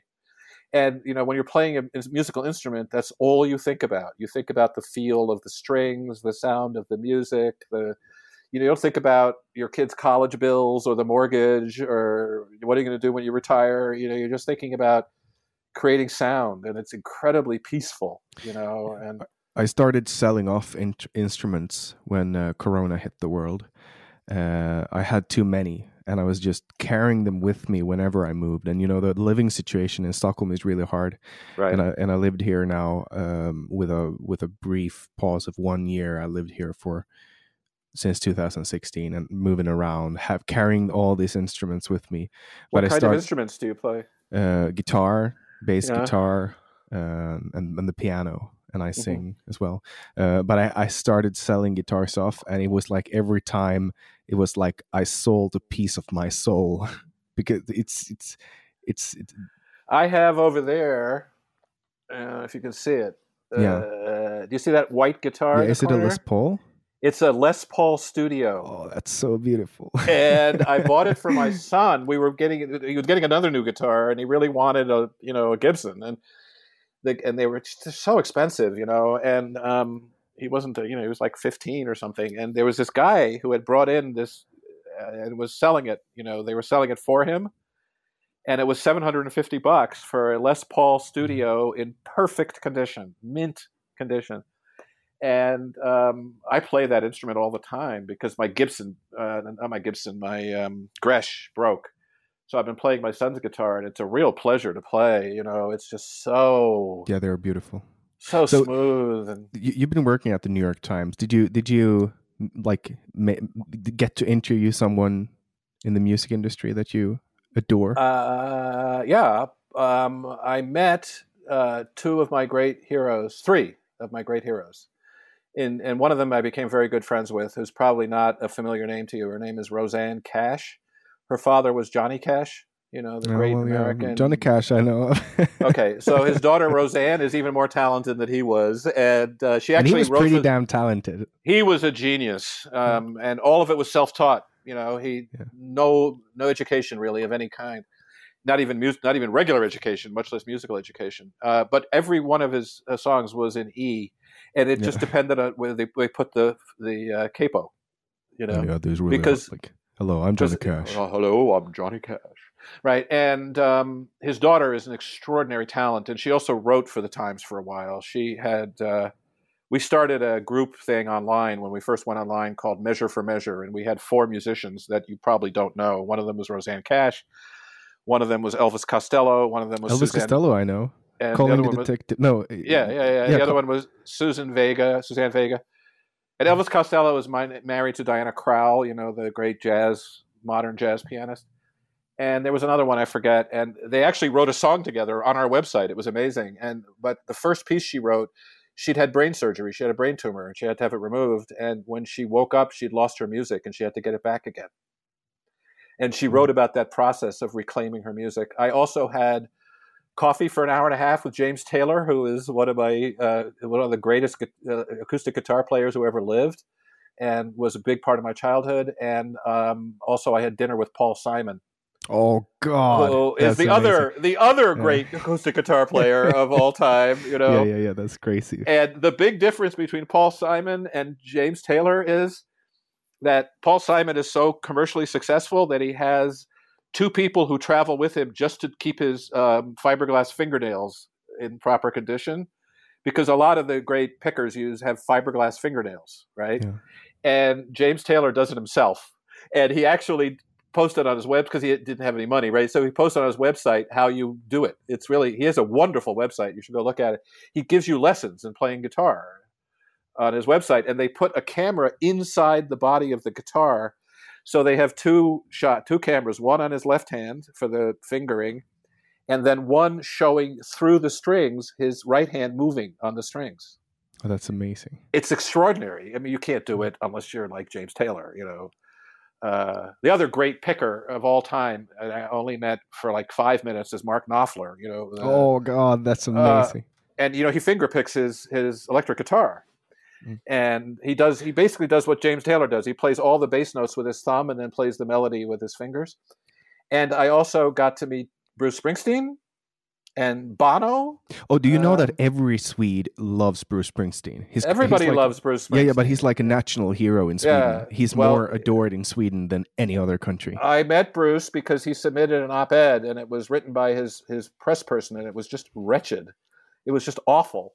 And so we rewrote it and he loved what we did and he loved it so much that he started calling us up and inviting us to concerts and stuff and so i got to go into his dressing room once after a concert at a big football stadium in new jersey and I also met Elton John, who was one of my. Oh yes, uh, I love Elton John. I play one of his, my great, like I play his songs on the piano all the time. He's all the time. He's a genius. And yeah, his recording, uh, the recording he did live with George Michael of "Don't Let the Sun Go Down on yeah. Me," is one of the best live recordings I think in in modern music history. And his best song is Bennie and the Jets. Bennie and the Jets is amazing. And that moment when when George Michael says, "Ladies and gentlemen, Mr. Elton John," and everybody starts screaming, you yeah. know, and then he starts singing, you know, it's like ah. So he got into a partnership with Leon Russell. Do you know Leon Russell? No. A figure from the 60s, 70s. He was one of the great kind of blues rock guys, and he's very strange looking. If you ever heard his voice, you would hear him. He did um, uh, he did a lot of songs that you've probably heard, but you just don't know it was him. And uh, he was a big influence on Elton John, and he had fallen on very hard economic times and had brain cancer. And so Elton John got together with him, and they recorded an album together that paid for his cancer. In the middle of the recording, he had to go have brain surgery, and it's called it's called the Union and it's a lot of stuff about the old United States, and including about the Civil War, and it's just excellent. And when the movie came out, there was a documentary uh, about the movie, and they showed it at the uh, Tribeca Film Festival in New York. And I happen to be friends with the people who run the Tribeca Film Festival. I've also met Robert De Niro many times, oh. and um, well, that wasn't my biggest one, but Robert De Niro is amazing. And um, the biggest one was Dennis Hopper. God, I love Dennis Hopper, and I got to meet him. That's pretty unusual, but um, and after the the movie was over, there was a piano on stage, and and Elton John came out and played five songs on the piano, including um, Rocket Man. Mm. And Bennie and the Jets, and oh, um, and uh, your song, and uh, then two songs from the album, and then there was a party afterward and my friends introduced me to elton john. I was there with my like my 17 year old son who was just dying you know for, of of you know stardom you know? And um so i i so, saw yeah. I've, I've seen elton john twice uh with 10 years in between. And last time it was like the summer of 2017 i think when he came to stockholm. And i got this since i'm a journalist i i get to you know you, you, can go to certain concerts and you can enjoy right. some special treatments. I'm, right, I'm, I know. You're probably familiar with that. Yeah. Although so in the United States you have to pay. You're not allowed to take free tickets. Uh, okay, well, I was uh, writing for a commercial paper anyway, yeah, so it's yeah. you know it doesn't like, matter. Whatever, it's fine. Yeah, yeah. So I I got to see him. There's this um, uh, what what do you call it? Not Tivoli, but like a, an amusement park called Gröna Lund in Stockholm. Yeah, yeah, yeah, yeah, yeah, yeah. And you, you, I got got to sit on one of the attractions, which is in front of stage. And you know, the sun was going down on my face. It was really warm, and I was sitting there. Uh, all the other people were down in the crowd, and I could sit there with the best view over the stage, and I could see him uh, playing on the piano. And I was like, I just wanted to capture that moment. And you know, were just, you on the left so you could see the keyboard and yeah, I could see him. He Yeah, he yeah, an- yeah, kind of angled the the piano so you could see. Yeah, yeah. Oh, And, that's and great. like once in a while, he got up and he walked, and you could really see how old he's starting to like. He's he's old. He is, you know, Yeah. and one of the greatest, one of the greatest. I'm sorry. Go ahead, finish. Oh no, you could just. It was just amazing. It was amazing. Uh, one of the best concerts. But you, you, so you talked about Mark Knopfler. Did you know that Mark Knopfler and Dire Straits actually stole uh, "Brothers in Arms," the melody, from Snow No. White? Is that right? Yes. If you listen to Yeah, the song "Bird, Bird of yeah. Paradise." by Yeah. Snowy White. Snow White is like a long, long time friend of Pink Floyd. He's been uh, like uh, replacing David Gilmour on Roger Waters concerts Right. with Pink Floyd, and and it's actually like when I heard that first time, I was like, oh, this guy's he's a thief. He stole this. He stole from Mark No, Knopfler and the Dire no, Straits, but it was actually the other way around. It's like saying Picasso stole from Rembrandt. You know, I mean, and as my guitar teacher used to tell me, there's only a certain number of chords, and there's a certain number of chords that sound nice to Western ears. You know, Mm. for Asian ears, they're totally different. You know, the atonal kind of Japanese music and Indian music.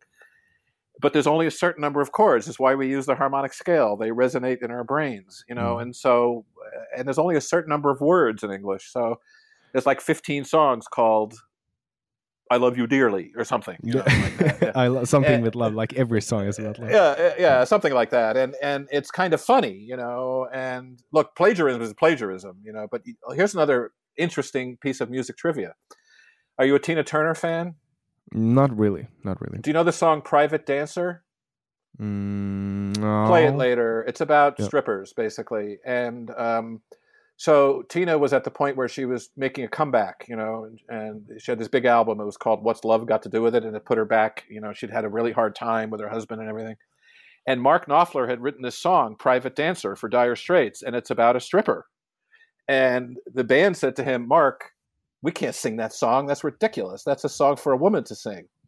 And he was really good friends with Tina Turner, so he gave her the song, and she put it on her first album, and it was a gigantic hit and it's this incredibly powerful song about what it's like for a woman to provide sexual services to a man for money which would have been ridiculous sung by dire straits right you know Yeah.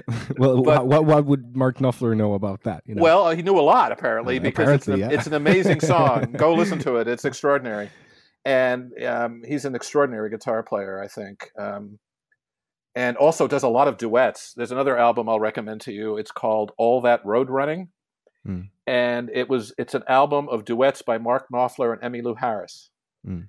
and they worked on it over a period of like 15 years until it was finally done and they released it he also did good duets with Chet Atkins. Chet Atkins, Yeah. BB King, um, uh, uh, Wynton Marsalis. Uh, it's just amazing. He is he's an extraordinary artist, you know, and um, so he picked up the tune from somebody else. That's bad, you know, but okay, fine, you know. No, but I mean, I, they didn't have like some kind of beef over it. Uh, no, it's just kind of funny. But you know, what's interesting is is that sampling is critical to hip hop. Yeah, yeah, Right? yeah. critical. I mean, I don't know if you know the song uh, "Lodi Dodi," the uh, Snoop song.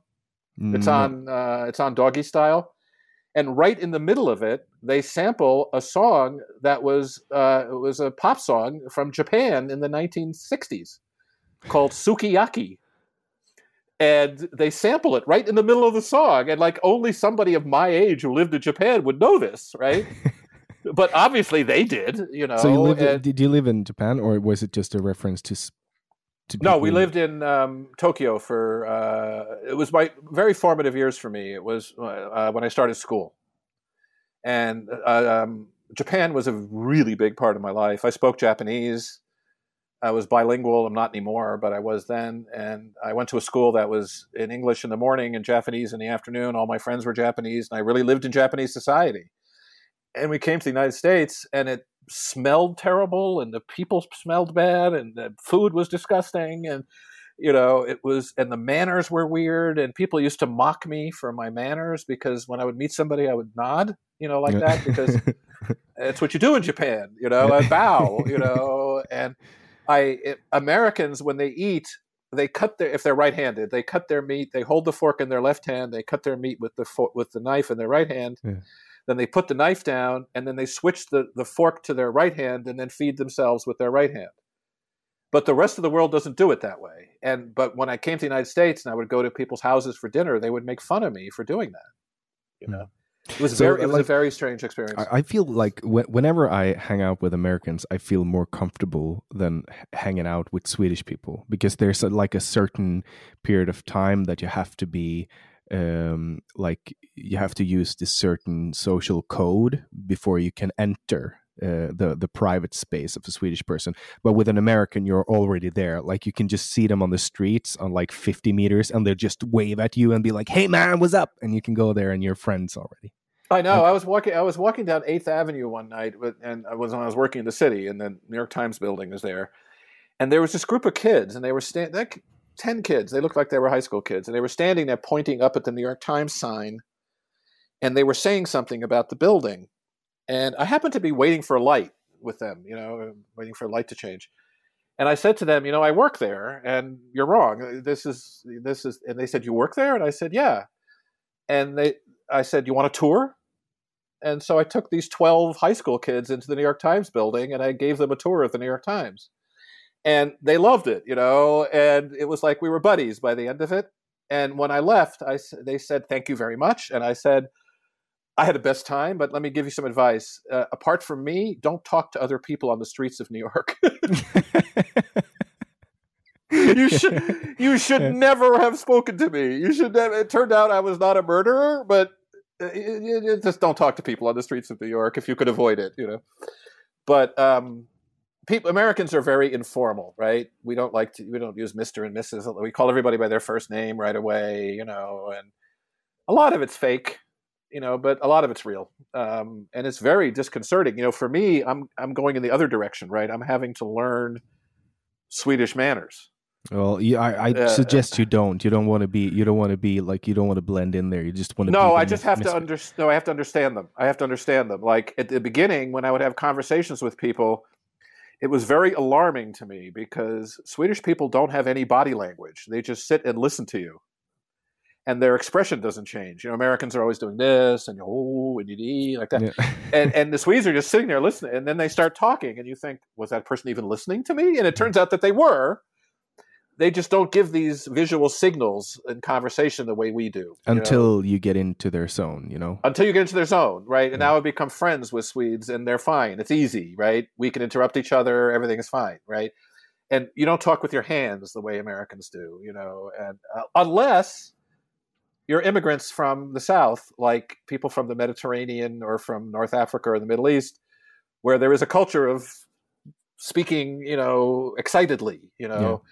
And Swedes don't raise their voices, you know, and I'm like, can you show me some emotion at some point today? You know, I'm, I'm not blending. I'm not blending in in Sweden. As soon as I open up my mouth, people hear that I'm not from here, uh, because I have this slight uh, Finnish to my accent. Is actually a, an Åland Islander uh, accent, yeah. but uh, s- most of the Swedes can't hear the difference, so they think that I'm uh, from mainland Finland. Uh, so I don't blend in as soon as I open my mouth, and I I've stopped trying. You know, I, I but why should you? I mean, no, why there's no reason. You... I see. I see no reason for it anymore. What's the What's the purpose? You know, what is you know? You know, sometimes you... on on some like uh, when I've been working on offices in Sweden, I kind of feel sometimes it would be nice to just blend in. I can just imagine. I can't even imagine how it would be to have like different different color of, of the skin. Maybe well, maybe uh, you know, I I used like I, I've been in China twice, and um, once I was in this this. Um, factory town called Shenzhen, just very mm-hmm. close to Hong Kong. Yep, I know uh, it. Yeah, and, and I were in the factory quarters, and the people would just, you know, some people would come straight up with me and take a selfie because they never seen a white person ever. But all the attention that I had was positive. it was Uh, curious. It wasn't. yeah. It wasn't angry or hateful. It was just curious. yeah, it was, and, and not Right, right. racist at, at, all. Like they were like, "Wow, Well, this is cool." It's just curious, right? And it's in, in the sense of racism is every society that's that's that has a uniform identity has a certain streak of racism in it, but it's benign in that case. It's not. They're just curious, you know. It's um, and here it's it's very different. And, yeah, but as um, far as it comes to being in a in a minority, I I would know a lot about that because mhm. I'm of a, a like a minority of Finland, uh, Swe- Swedish speaking Finns. Uh, By the way, I can tell a difference between the way you speak English and the way that people with a different Swedish Mhm. accent speak English. And it's true with Atta and Tino too. Their English is a lot easier for me to understand because you have this clicked. Finnish is more clipped than than Swedish is. Mm. Swedish kind of is more melodic, and Finnish has the tuk tuk tuk tuk tuk tuk in it, like Mm. like English does. And so, and I'm very familiar with the Finnish accent too because I lived in Soviet Union for so long, and um, it's it's funny because every uh, I spoke Russian really well, you know, and most of the Russians I spoke to who didn't know I was an American assumed I was from Finland or from Estonia huh. Okay. Because we have a more way of speaking, you know, and Russians like it's slurred, you know, it's very melodic, and English is more rhythmic, you know. Uh, do you read on Russian as well, like Russian newspapers and stuff? I don't currently read Russian newspapers because there's no point, but I can. Yes, I can read Russian. The- I can read. but, like okay, I'll I'll reform. Like I- I'll I'll uh, what do you say? The, ask the question in another way. Do you read uh, Russian propaganda? no, Okay.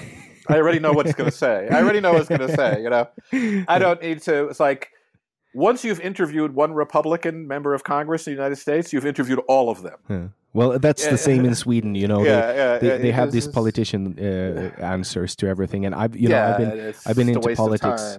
Myself for more than 10 years and i know exactly i know all the tricks of the trade uh, and, and if you know someone asks a question that you don't want to ask you just start you just raise the level and and go above their intellectual level and you can just blah blah bullshit bullshit and they're you know just, they don't You'll just- understand what you're saying You'll just shut them down, right? yeah yeah it's, You know, it's- so you know when I was politicized, um, apart from that experience I was telling you about before, it was again when I was 12 years old. It was 1968, and I just became absolutely mesmerized by Robert Kennedy, and um, particularly because my father didn't like Robert Kennedy for stupid reasons, and that made me like him even more. And I went out after school for a period of time every day, and I would go down to the Kennedy campaign headquarters when I was 12 years old and they would pile us all on buses and we would go to these big housing complexes in the Bronx and we would distribute leaflets door to door and I would come home late at night my parents would yell at me and then one day very early in the morning my mother came into my room to tell me that Robert Kennedy had been murdered the night before in California and that was the last time I allowed myself to believe in a politician Mm. um, talking about politicians kennedys and um, paul simon they say that mrs robinson is about the kennedys Yeah, that's a good question. I've heard that too, and I failed to ask Paul Simon that question when I met him. I did ask James Taylor if it was true that he wrote Sweet Baby James in the car while he was driving down to see his newborn nephew, and that turned out to be true.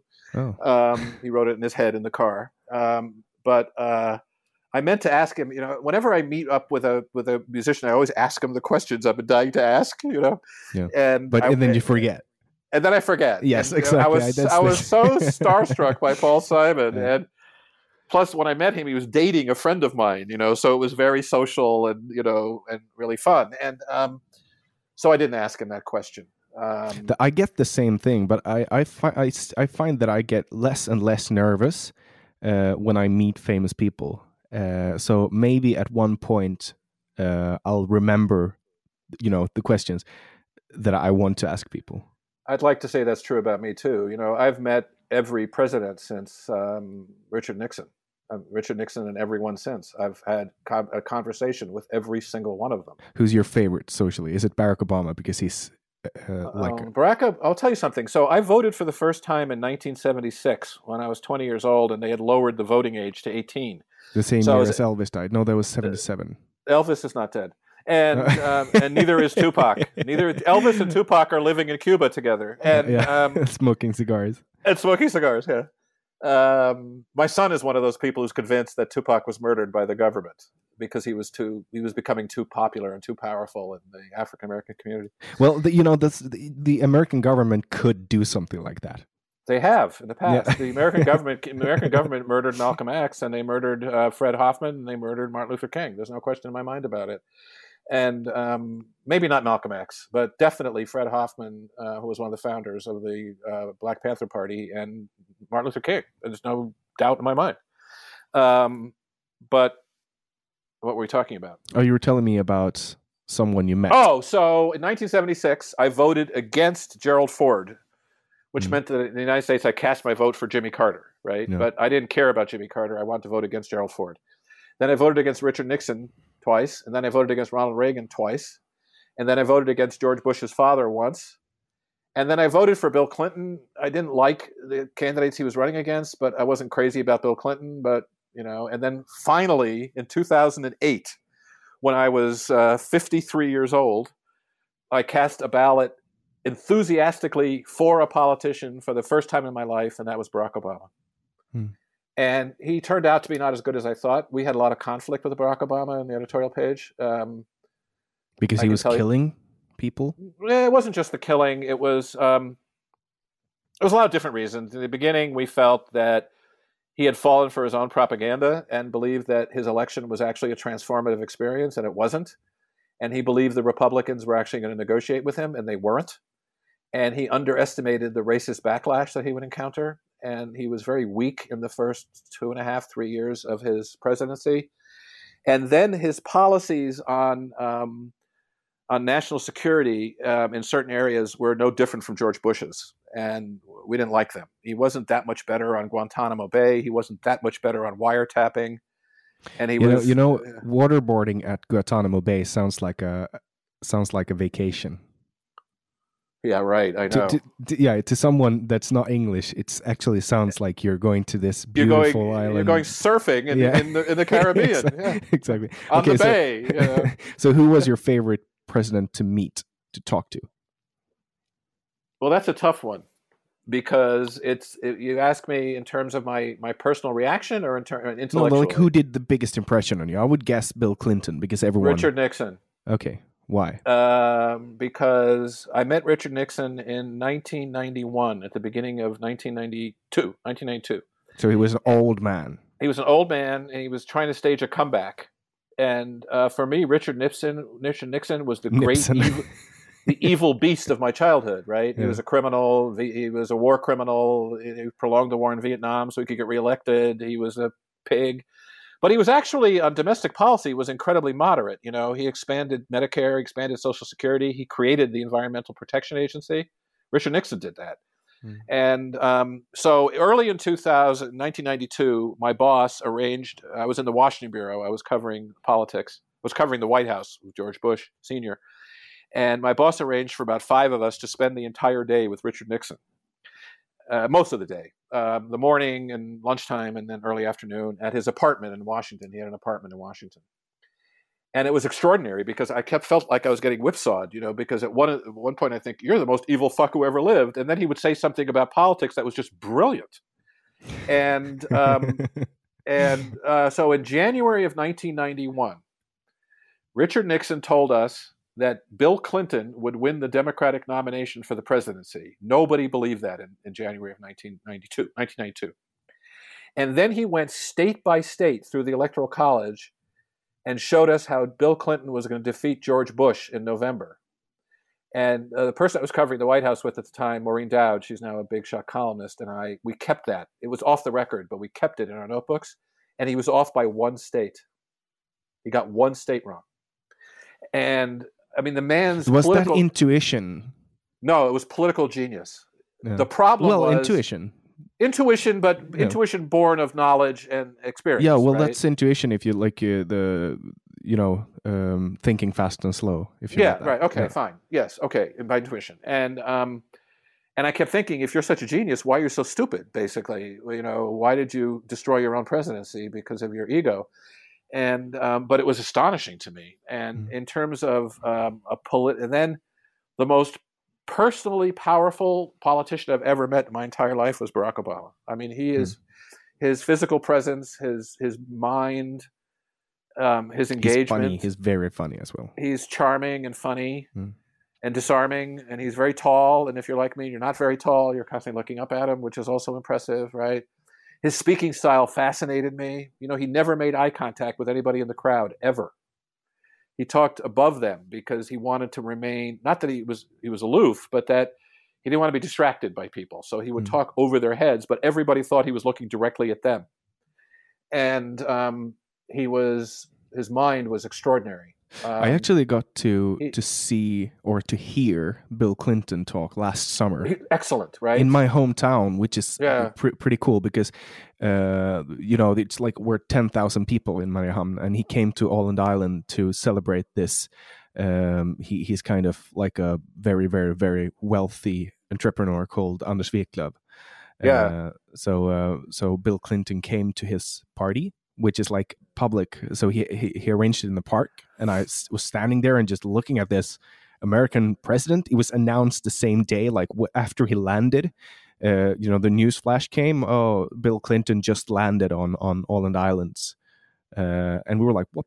What the hell is he doing here?" And then just appeared, you know, on stage, and it was pretty pretty cool to see an American president. And he's the second uh, American president that's been to Åland Islands because, and I'm not. I, I don't have any written sources on this, but I'm pretty sure that it's true that um, Donald Trump came to Åland Island. Why? Were there some loose females there that he wanted to? Well, probably no. It was before he became the president. He was probably in Russia or something, or Stockholm or whatever, and then he just came to Åland Islands, had some beer, checked out the golf course, and then he moved on. Well, with Donald Trump, it's easy to figure out why he does things. He only has two motivations. One of them is his ego, and the other is his pocketbook. He's so whatever he was. Well, you can put it that way, yes. Yeah.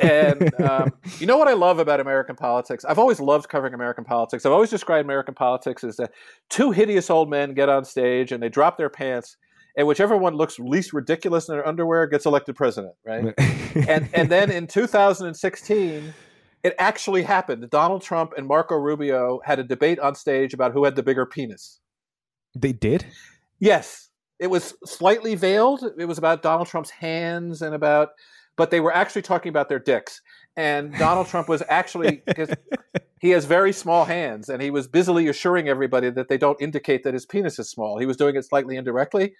And I started screaming with delight, and my wife, who was in the other room, came running in and said, "What happened?" And I said, "It finally happened. My whole life of covering politics is now worthwhile because two American politicians got on stage and actually compared penis size, like in real time. It was Like it was like a vindication of everything that I had learned about American politics my entire life.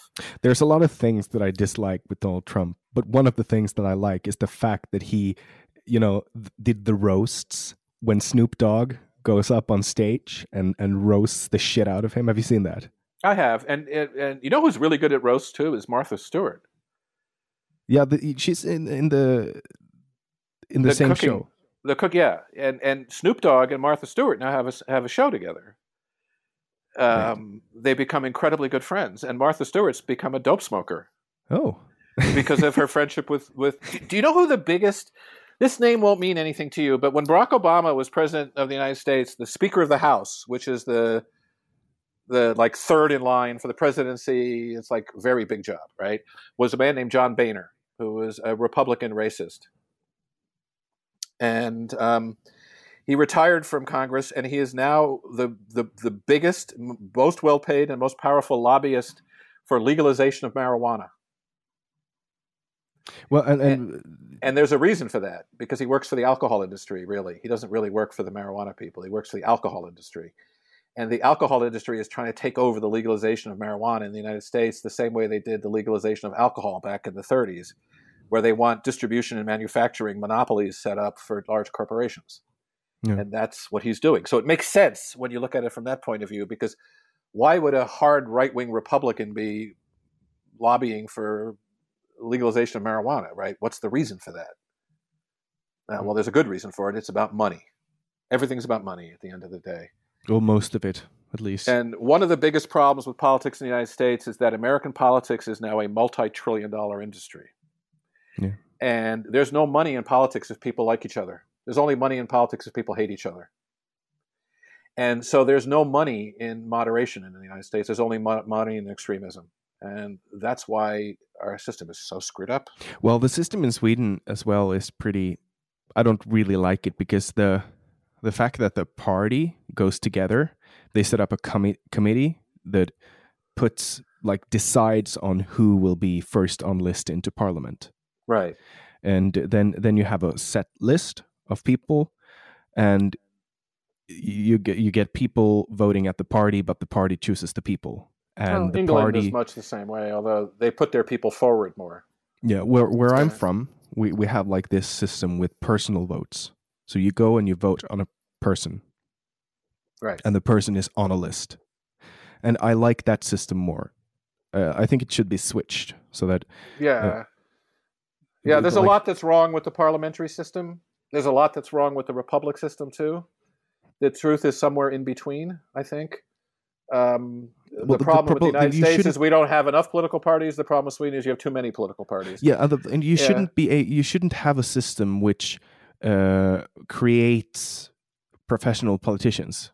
You shouldn't be able to choose that I want to become a po- politician and I want to do I want to pick that as my career because then you don't put the people first, the people that you represent. Absolutely correct. The the idea of the founding fathers of the United States was that politicians would not be professionals, that they would be that they would be amateurs, and there would be no political parties. But their idea of who should be the non-professional politicians was uh, white landowning slaveholders. Oh yeah, That's- that's yeah, yeah. also one So- thing that I've been yeah. criticizing, you know, a lot uh, in in in Sweden is like we have laws that people wrote, and the and we accept them today as a truth, and we hold them high. But these people who wrote these laws uh, thought that homosexuality was a disease. Uh, and that uh, you know people that with with physical and mental um, I don't know what the correct, the political Di- correct di- word. disabilities. Disabilities, exactly. Okay, that's Yeah, the, the yeah. word. Uh, that they they they had to be sterilized, so they couldn't Right. get children.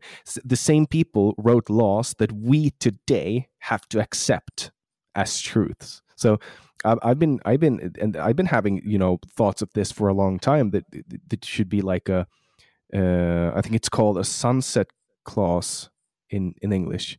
Where Yeah. you where you put a, a, a Laws automatically expire unless you yes, renew them. exactly. I actually have a, a, a text about that that I'm I'm I'm I, well, I will try to get published in in bulletin about sunset clause because I think it would be really good to have that uh, because then you have to ref- like you have to take a look at it again and see like is this Uh, is this up to date is this something we can put on our our system today like for example in Sweden there's some do you know that you have to have a permit from the government in order to dance a dance permit What do you mean? To, In like in your, Sweden. in, in your living room?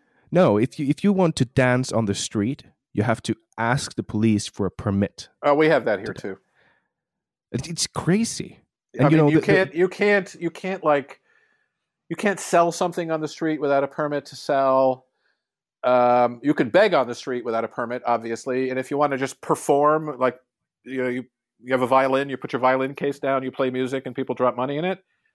You don't need a permit for that. But if you want to have any kind of like a formal presentation, like a band performing in public, you need a permit for that. Yeah, but if you go, if you if you have a if you if you have a, a, a restaurant and people get up to dance on your restaurant, They're breaking the law. they're breaking the law, and and that's from you know there's uh, uh, there's some t- at, at, back in the days uh, there was something called dansbane eländet, which is like the the dance uh, the dance place disaster because they would like uh, the older generations would think that people that got together and d- were dancing it was like you know it was a more a fall of morale and people would you know they would decay into some you know d- devil's work and you know it's you know they were like they thought that it, it was like something bad for for people to do to dance uh, so they just made this law Well, you have that very heavy kind of um, what we call Puritan, but it's not doesn't apply there. But the Lutheran,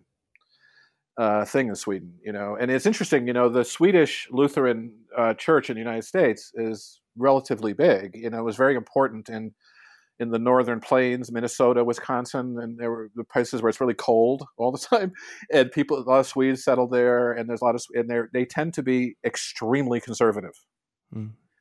And it's weird, right? Because they're Swedish, you know, but they have this kind of old-fashioned Lutheran thing, you know. There's a joke in the United States. Um, uh, why don't um, Baptists have sex standing up? And the reason is because because it could lead to dancing, and dancing is forbidden in the Baptist religion. You know, so um, uh, it, it, you know when the when the founders, uh, the, the writers of the Constitution of the United States and the, and the and the Declaration of Independence said all men are created equal, they were not using a synonym for human beings. They meant literally men, Mm. and they defined men as only men with our skin color who owned land and who were Christians. Do you know that there's actually uh, a church, uh, a Swedish church, like that is bigger in the U.S. than in Sweden, called uh, Church of Swedenborg, Swedenborg, I guess you would say, Mhm. Swedenborg Borgianism. Did you No, I'm not that? surprised. There are It's- more it's people. like- there are more na- there are more native Spanish speakers in the United States than in Spain. Yeah, I think it's called the New Church. The new church. Yeah, I'm familiar with Yeah. that. Yeah, Yeah, that's yeah, yeah. Swedenborgianism. It's a The guy. thing it's is, a- there's there's there's more of everything in America than there was in the original country because there's just so many of us. you know, mm. it's like probably there's more Swedes in America than in Sweden. Mm. yeah, I have relatives in, in New York that, Yeah, that I cannot tell you how many people I have talked to uh, because I've been calling a lot of my, my journalism friends for help and for advice and stuff. And probably every third person I talk to has a relative in Sweden or was an exchange student in Sweden. Mm. Because there's we this, had we had like uh, 200 years ago, um, like a lot of people moved to the U.S. from from Yes. Sweden and Finland. they helped build our country. They they were crucial to the expansion west. You know, there's a great mo- there's a great TV show called uh, Deadwood, not Deadwood. It's called Hell on Wheels, and it's about the construction of the oh, the train. Yeah, yeah, Yeah, yeah. yeah. I I, th- And- I seen that like 10 years ago, maybe. Yeah, it's old. Yeah, and and Yeah. one of the best characters in the movie is this guy. He's this homicidal maniac, but one of the reasons he's insane is because everybody calls him the Swede, but he's actually from Norway. Mm.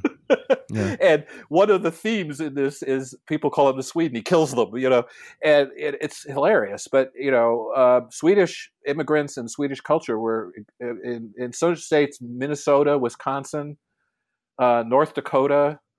It it thins out further west you go, but the Swedish presence in those states is is is you can feel it to today. You know, it's very strong Hmm. because they were the people who settled there because they could handle the climate. Yeah. It's really cold there, you know. and the Swedes knew how to handle the cold, you know. They they weren't going to settle in Florida where it was constantly hot, right? But we hate it, you know, up here. You say you hate it, but Uh, then why did you settle in all these cold climates? Oh, it's dark. I don't know. It's dark all the time. We talk about the summer. Uh, we feel strong resentments towards the dark and the cold and the damp. I can see that. When I was in the Soviet Union, we used to have this joke that the, the, the Russian winters were horrible, and the other two weeks of the year weren't so great either. I was in I was in forty below. I was in forty below multiple times in the Soviet Union. It was like I didn't even think about it, you know. And forty below is where Fahrenheit and Celsius meet. it's cold. It's cold, you know. But So I wore a fur hat, and now we have to get used to the metric system. uh, I did that a long time ago. Okay. I lived in Europe for a long time, so you know I I can convert easily in my head. It's not a big deal. Convert. we you, should- should, you shouldn't convert at all. You should just change. Like the whole US should change to meters. It's And, lu- you know- it's it's ludicrous. Honestly, it's ludicrous. We sell everything now is measured in in in metric too. Like so, you buy a quart of of, of soda, and it tells you how many, um, you know, um, Centiliters. centiliters are in it. Yeah, Well, that's it's good because I like you Yeah. know when you put systems according to logic, not to like the British people have stone. Well, they've fixed that a little bit, yeah. But Americans are hilarious because we go to Canada, we think the gas is really cheap, but it's not. It's actually way more expensive than the United States, but it's sold by the liter instead of the gallon, right? So it seems tells really tells you more about you know the average American than about the the gas price. the average American has his head up his ass, and um, you know they don't speak they don't speak other languages. They have no clue about poverty. They have no clue about what's going. You know, they don't understand that half of the world lives on less than a dollar a day. Mm. I'm so much looking forward to welcome you to Sweden and to Uh, Europe. but I need to go to other than to Stockholm. Okay. It's oh yeah, I'll be- I'll I'll, ha- I'll be happy to show you all and I want to go to those towns. I want to see the Epitroctors, and I want to go to uh, the south, and I want to go to Malmo, and I want to go to your island if I can. You know, the I want to. the best of Sweden is actually my island, which is I've- not even Sweden. I've been to Stockholm. It's a beautiful city. There's no question about it. And I'm sure it's a lot nicer now than it was the last time I was there, which was 1987. But I've been there, you know, and capital cities don't really interest me. The places that interest me in countries are the the the, the places where you don't go. Well, you Stockholm is fascinating. You can you can travel. You can get on the on the uh, metro and you can travel for 15 minutes, and then you get up in something that looks like another country. In Stockholm, It's crazy. Yeah. Yeah, well, New York's like that too. You know, I mean, it's a lot of cities are are like that. They're great cities, you know, and I love cities. I'm not against cities, but real people tend not to live in the cities, you know. And uh, Yeah, I'm just. I'm just trying to, you know, my my goal right now with my life is just to buy, you know, a place on the countryside and just have horses there. And a fiber My- connection, of course. so I have a, I have two older brothers. The middle one is a financial genius, and he retired at the age of 48.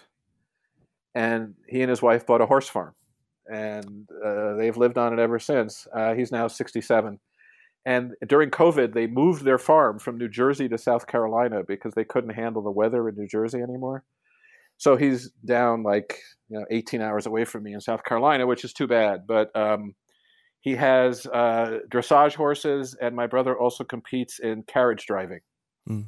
He Like drives a trotting? t- no, not trotting. No, no, it's uh, like like wagons. You know, Yeah, yeah, but how can you gallop in a wagon? Like with a wagon? A horse can gallop Yeah, yeah, but it must be so bumpy. Well, they buy these these these these horses with these wagons with because he does this cross country competition. It's 17 kilometers cross country through rivers and around obstacles, Oh, and it all has to be done at either a canter or a gallop, or you'll lose. okay. I he think I think we call that marathon wagons. Marathon wagons, Yeah, yes, that's yeah. what he does. Yes, and he drives a team of four. Wow. Okay, have that's you- that's have you- more. Have you ever been in a wagon pulled by four horses? It's No, no, I have not. It's amazing. It's amazing. It's amazing when they start to run. You know, now you know why they call it horsepower in cars, right? Yeah. you know, I drive uh, I drive horses all the time. I know Like, you do. You drive yeah. trotters. Yeah, yeah, Yeah, yeah. yeah. It's Uh, amazing. These are, di- these like- are different. Yeah. it's so amazing to be able to you know travel through the woods in like 55 kilometers per hour the only thing you hear is the power of the Of the hooves of, of hitting the animal of the animal, Yeah. right? it's yeah. just hitting yeah. the ground and just Yeah, just you might hear the hum of your wheels or something like that, but there's no and you- motor but you hear the birds and the wind and the the trees and everything it's just amazing And then the incredible power of horses, as I know you appreciate, is you have these massive beasts, right? yeah Who should be terrifying, but they're actually unbelievably gentle. Oh, and Oh, yes. all they want to do is please you, really. And Yeah. and it's extraordinary. You know, I, I fell in love with horses when I was in Japan, oddly enough. And um, I've been in love with them ever since. And uh, Yeah. my daughter was a competitive rider for a while. And um, I yeah, just, and I, I told you when we spoke the first time. I told you about my my experience when I, in adult age, not so long ago, uh, realized how extremely gentle they are. It was when my my friend Jonas asked me to put on a bandage on the yes, leg, and yes.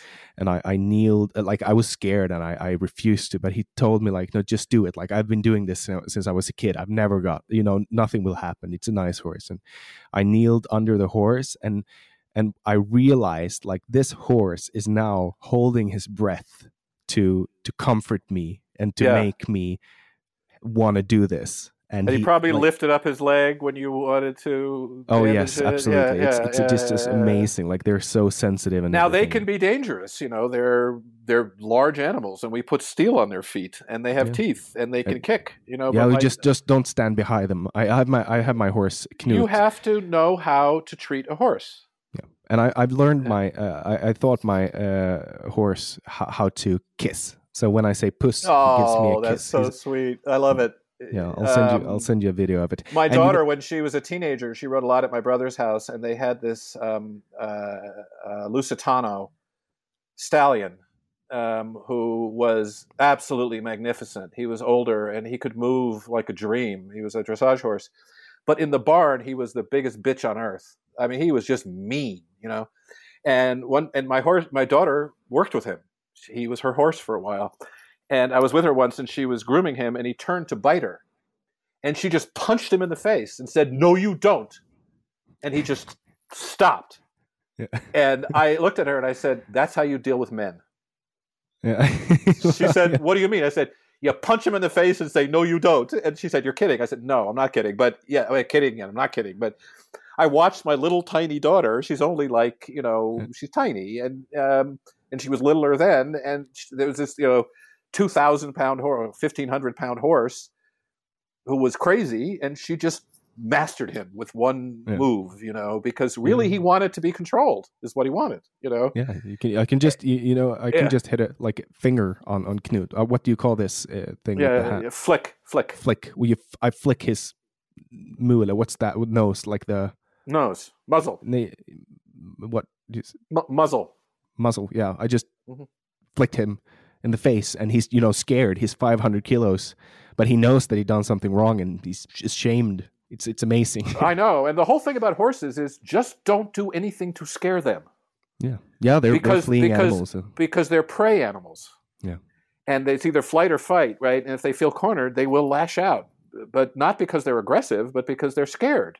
Yeah. Like you can't approach a horse from behind his eyes, you know, and you can't, you know, you don't just walk up to a horse's face and grab it. You know, you have to approach them slowly. and get to well- know them. Yeah, and speak you to them.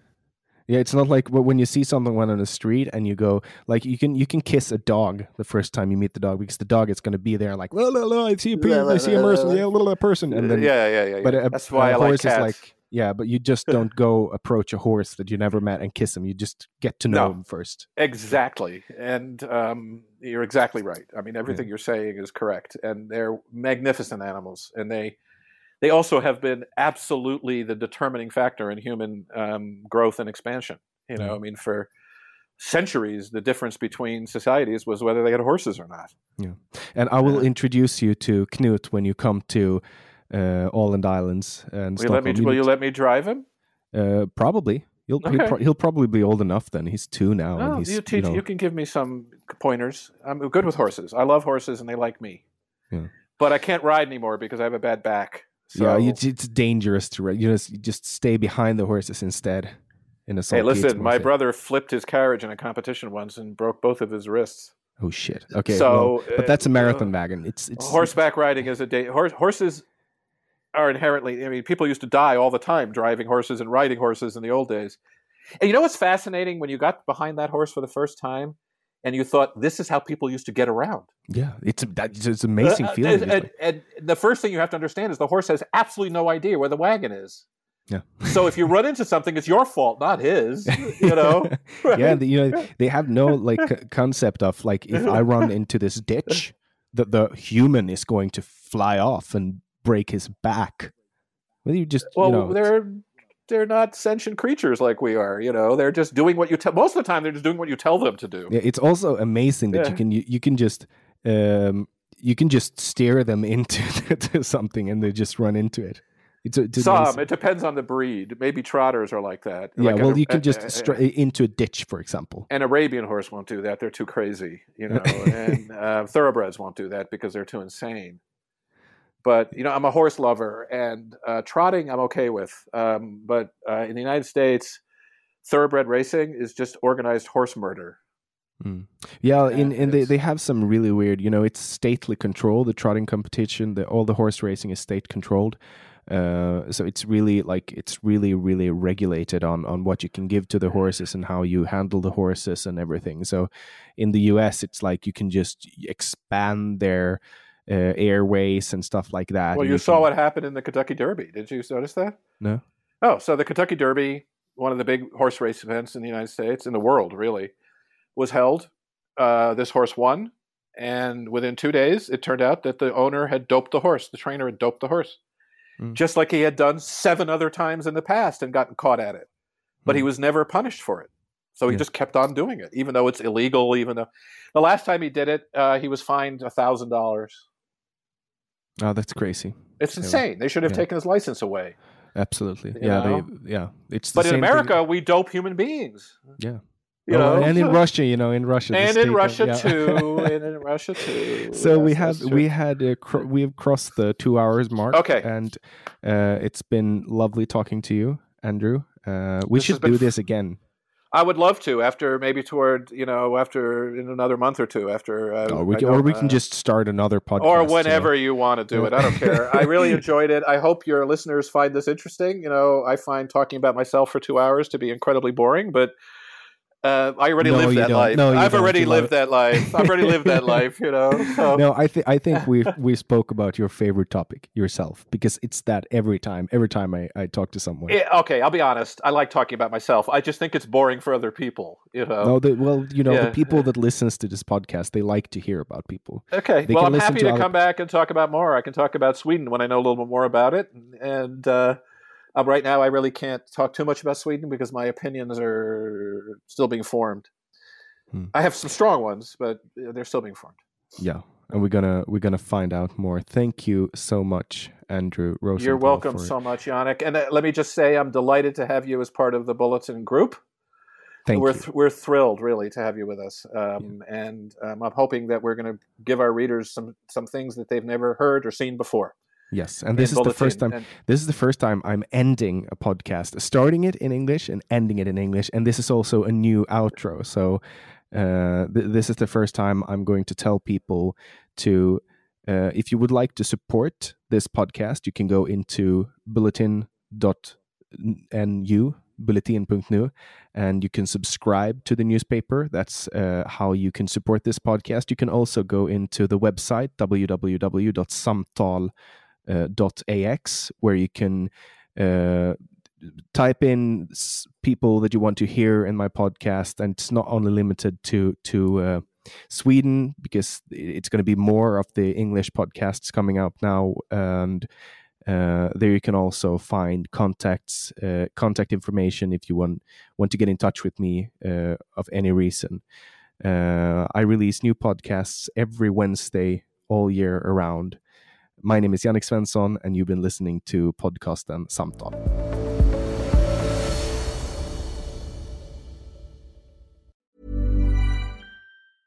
Hey, it's Paige DeSorbo from Giggly Squad. High quality fashion without the price tag? Say hello to Quince. I'm snagging high end essentials like cozy cashmere sweaters, sleek leather jackets, fine jewelry, and so much more. With Quince being 50 to 80% less than similar brands and they partner with factories that prioritize safe ethical and responsible manufacturing. I love that. Luxury quality within reach. Go to quince.com slash style to get free shipping and 365 day returns on your next order. quince.com slash style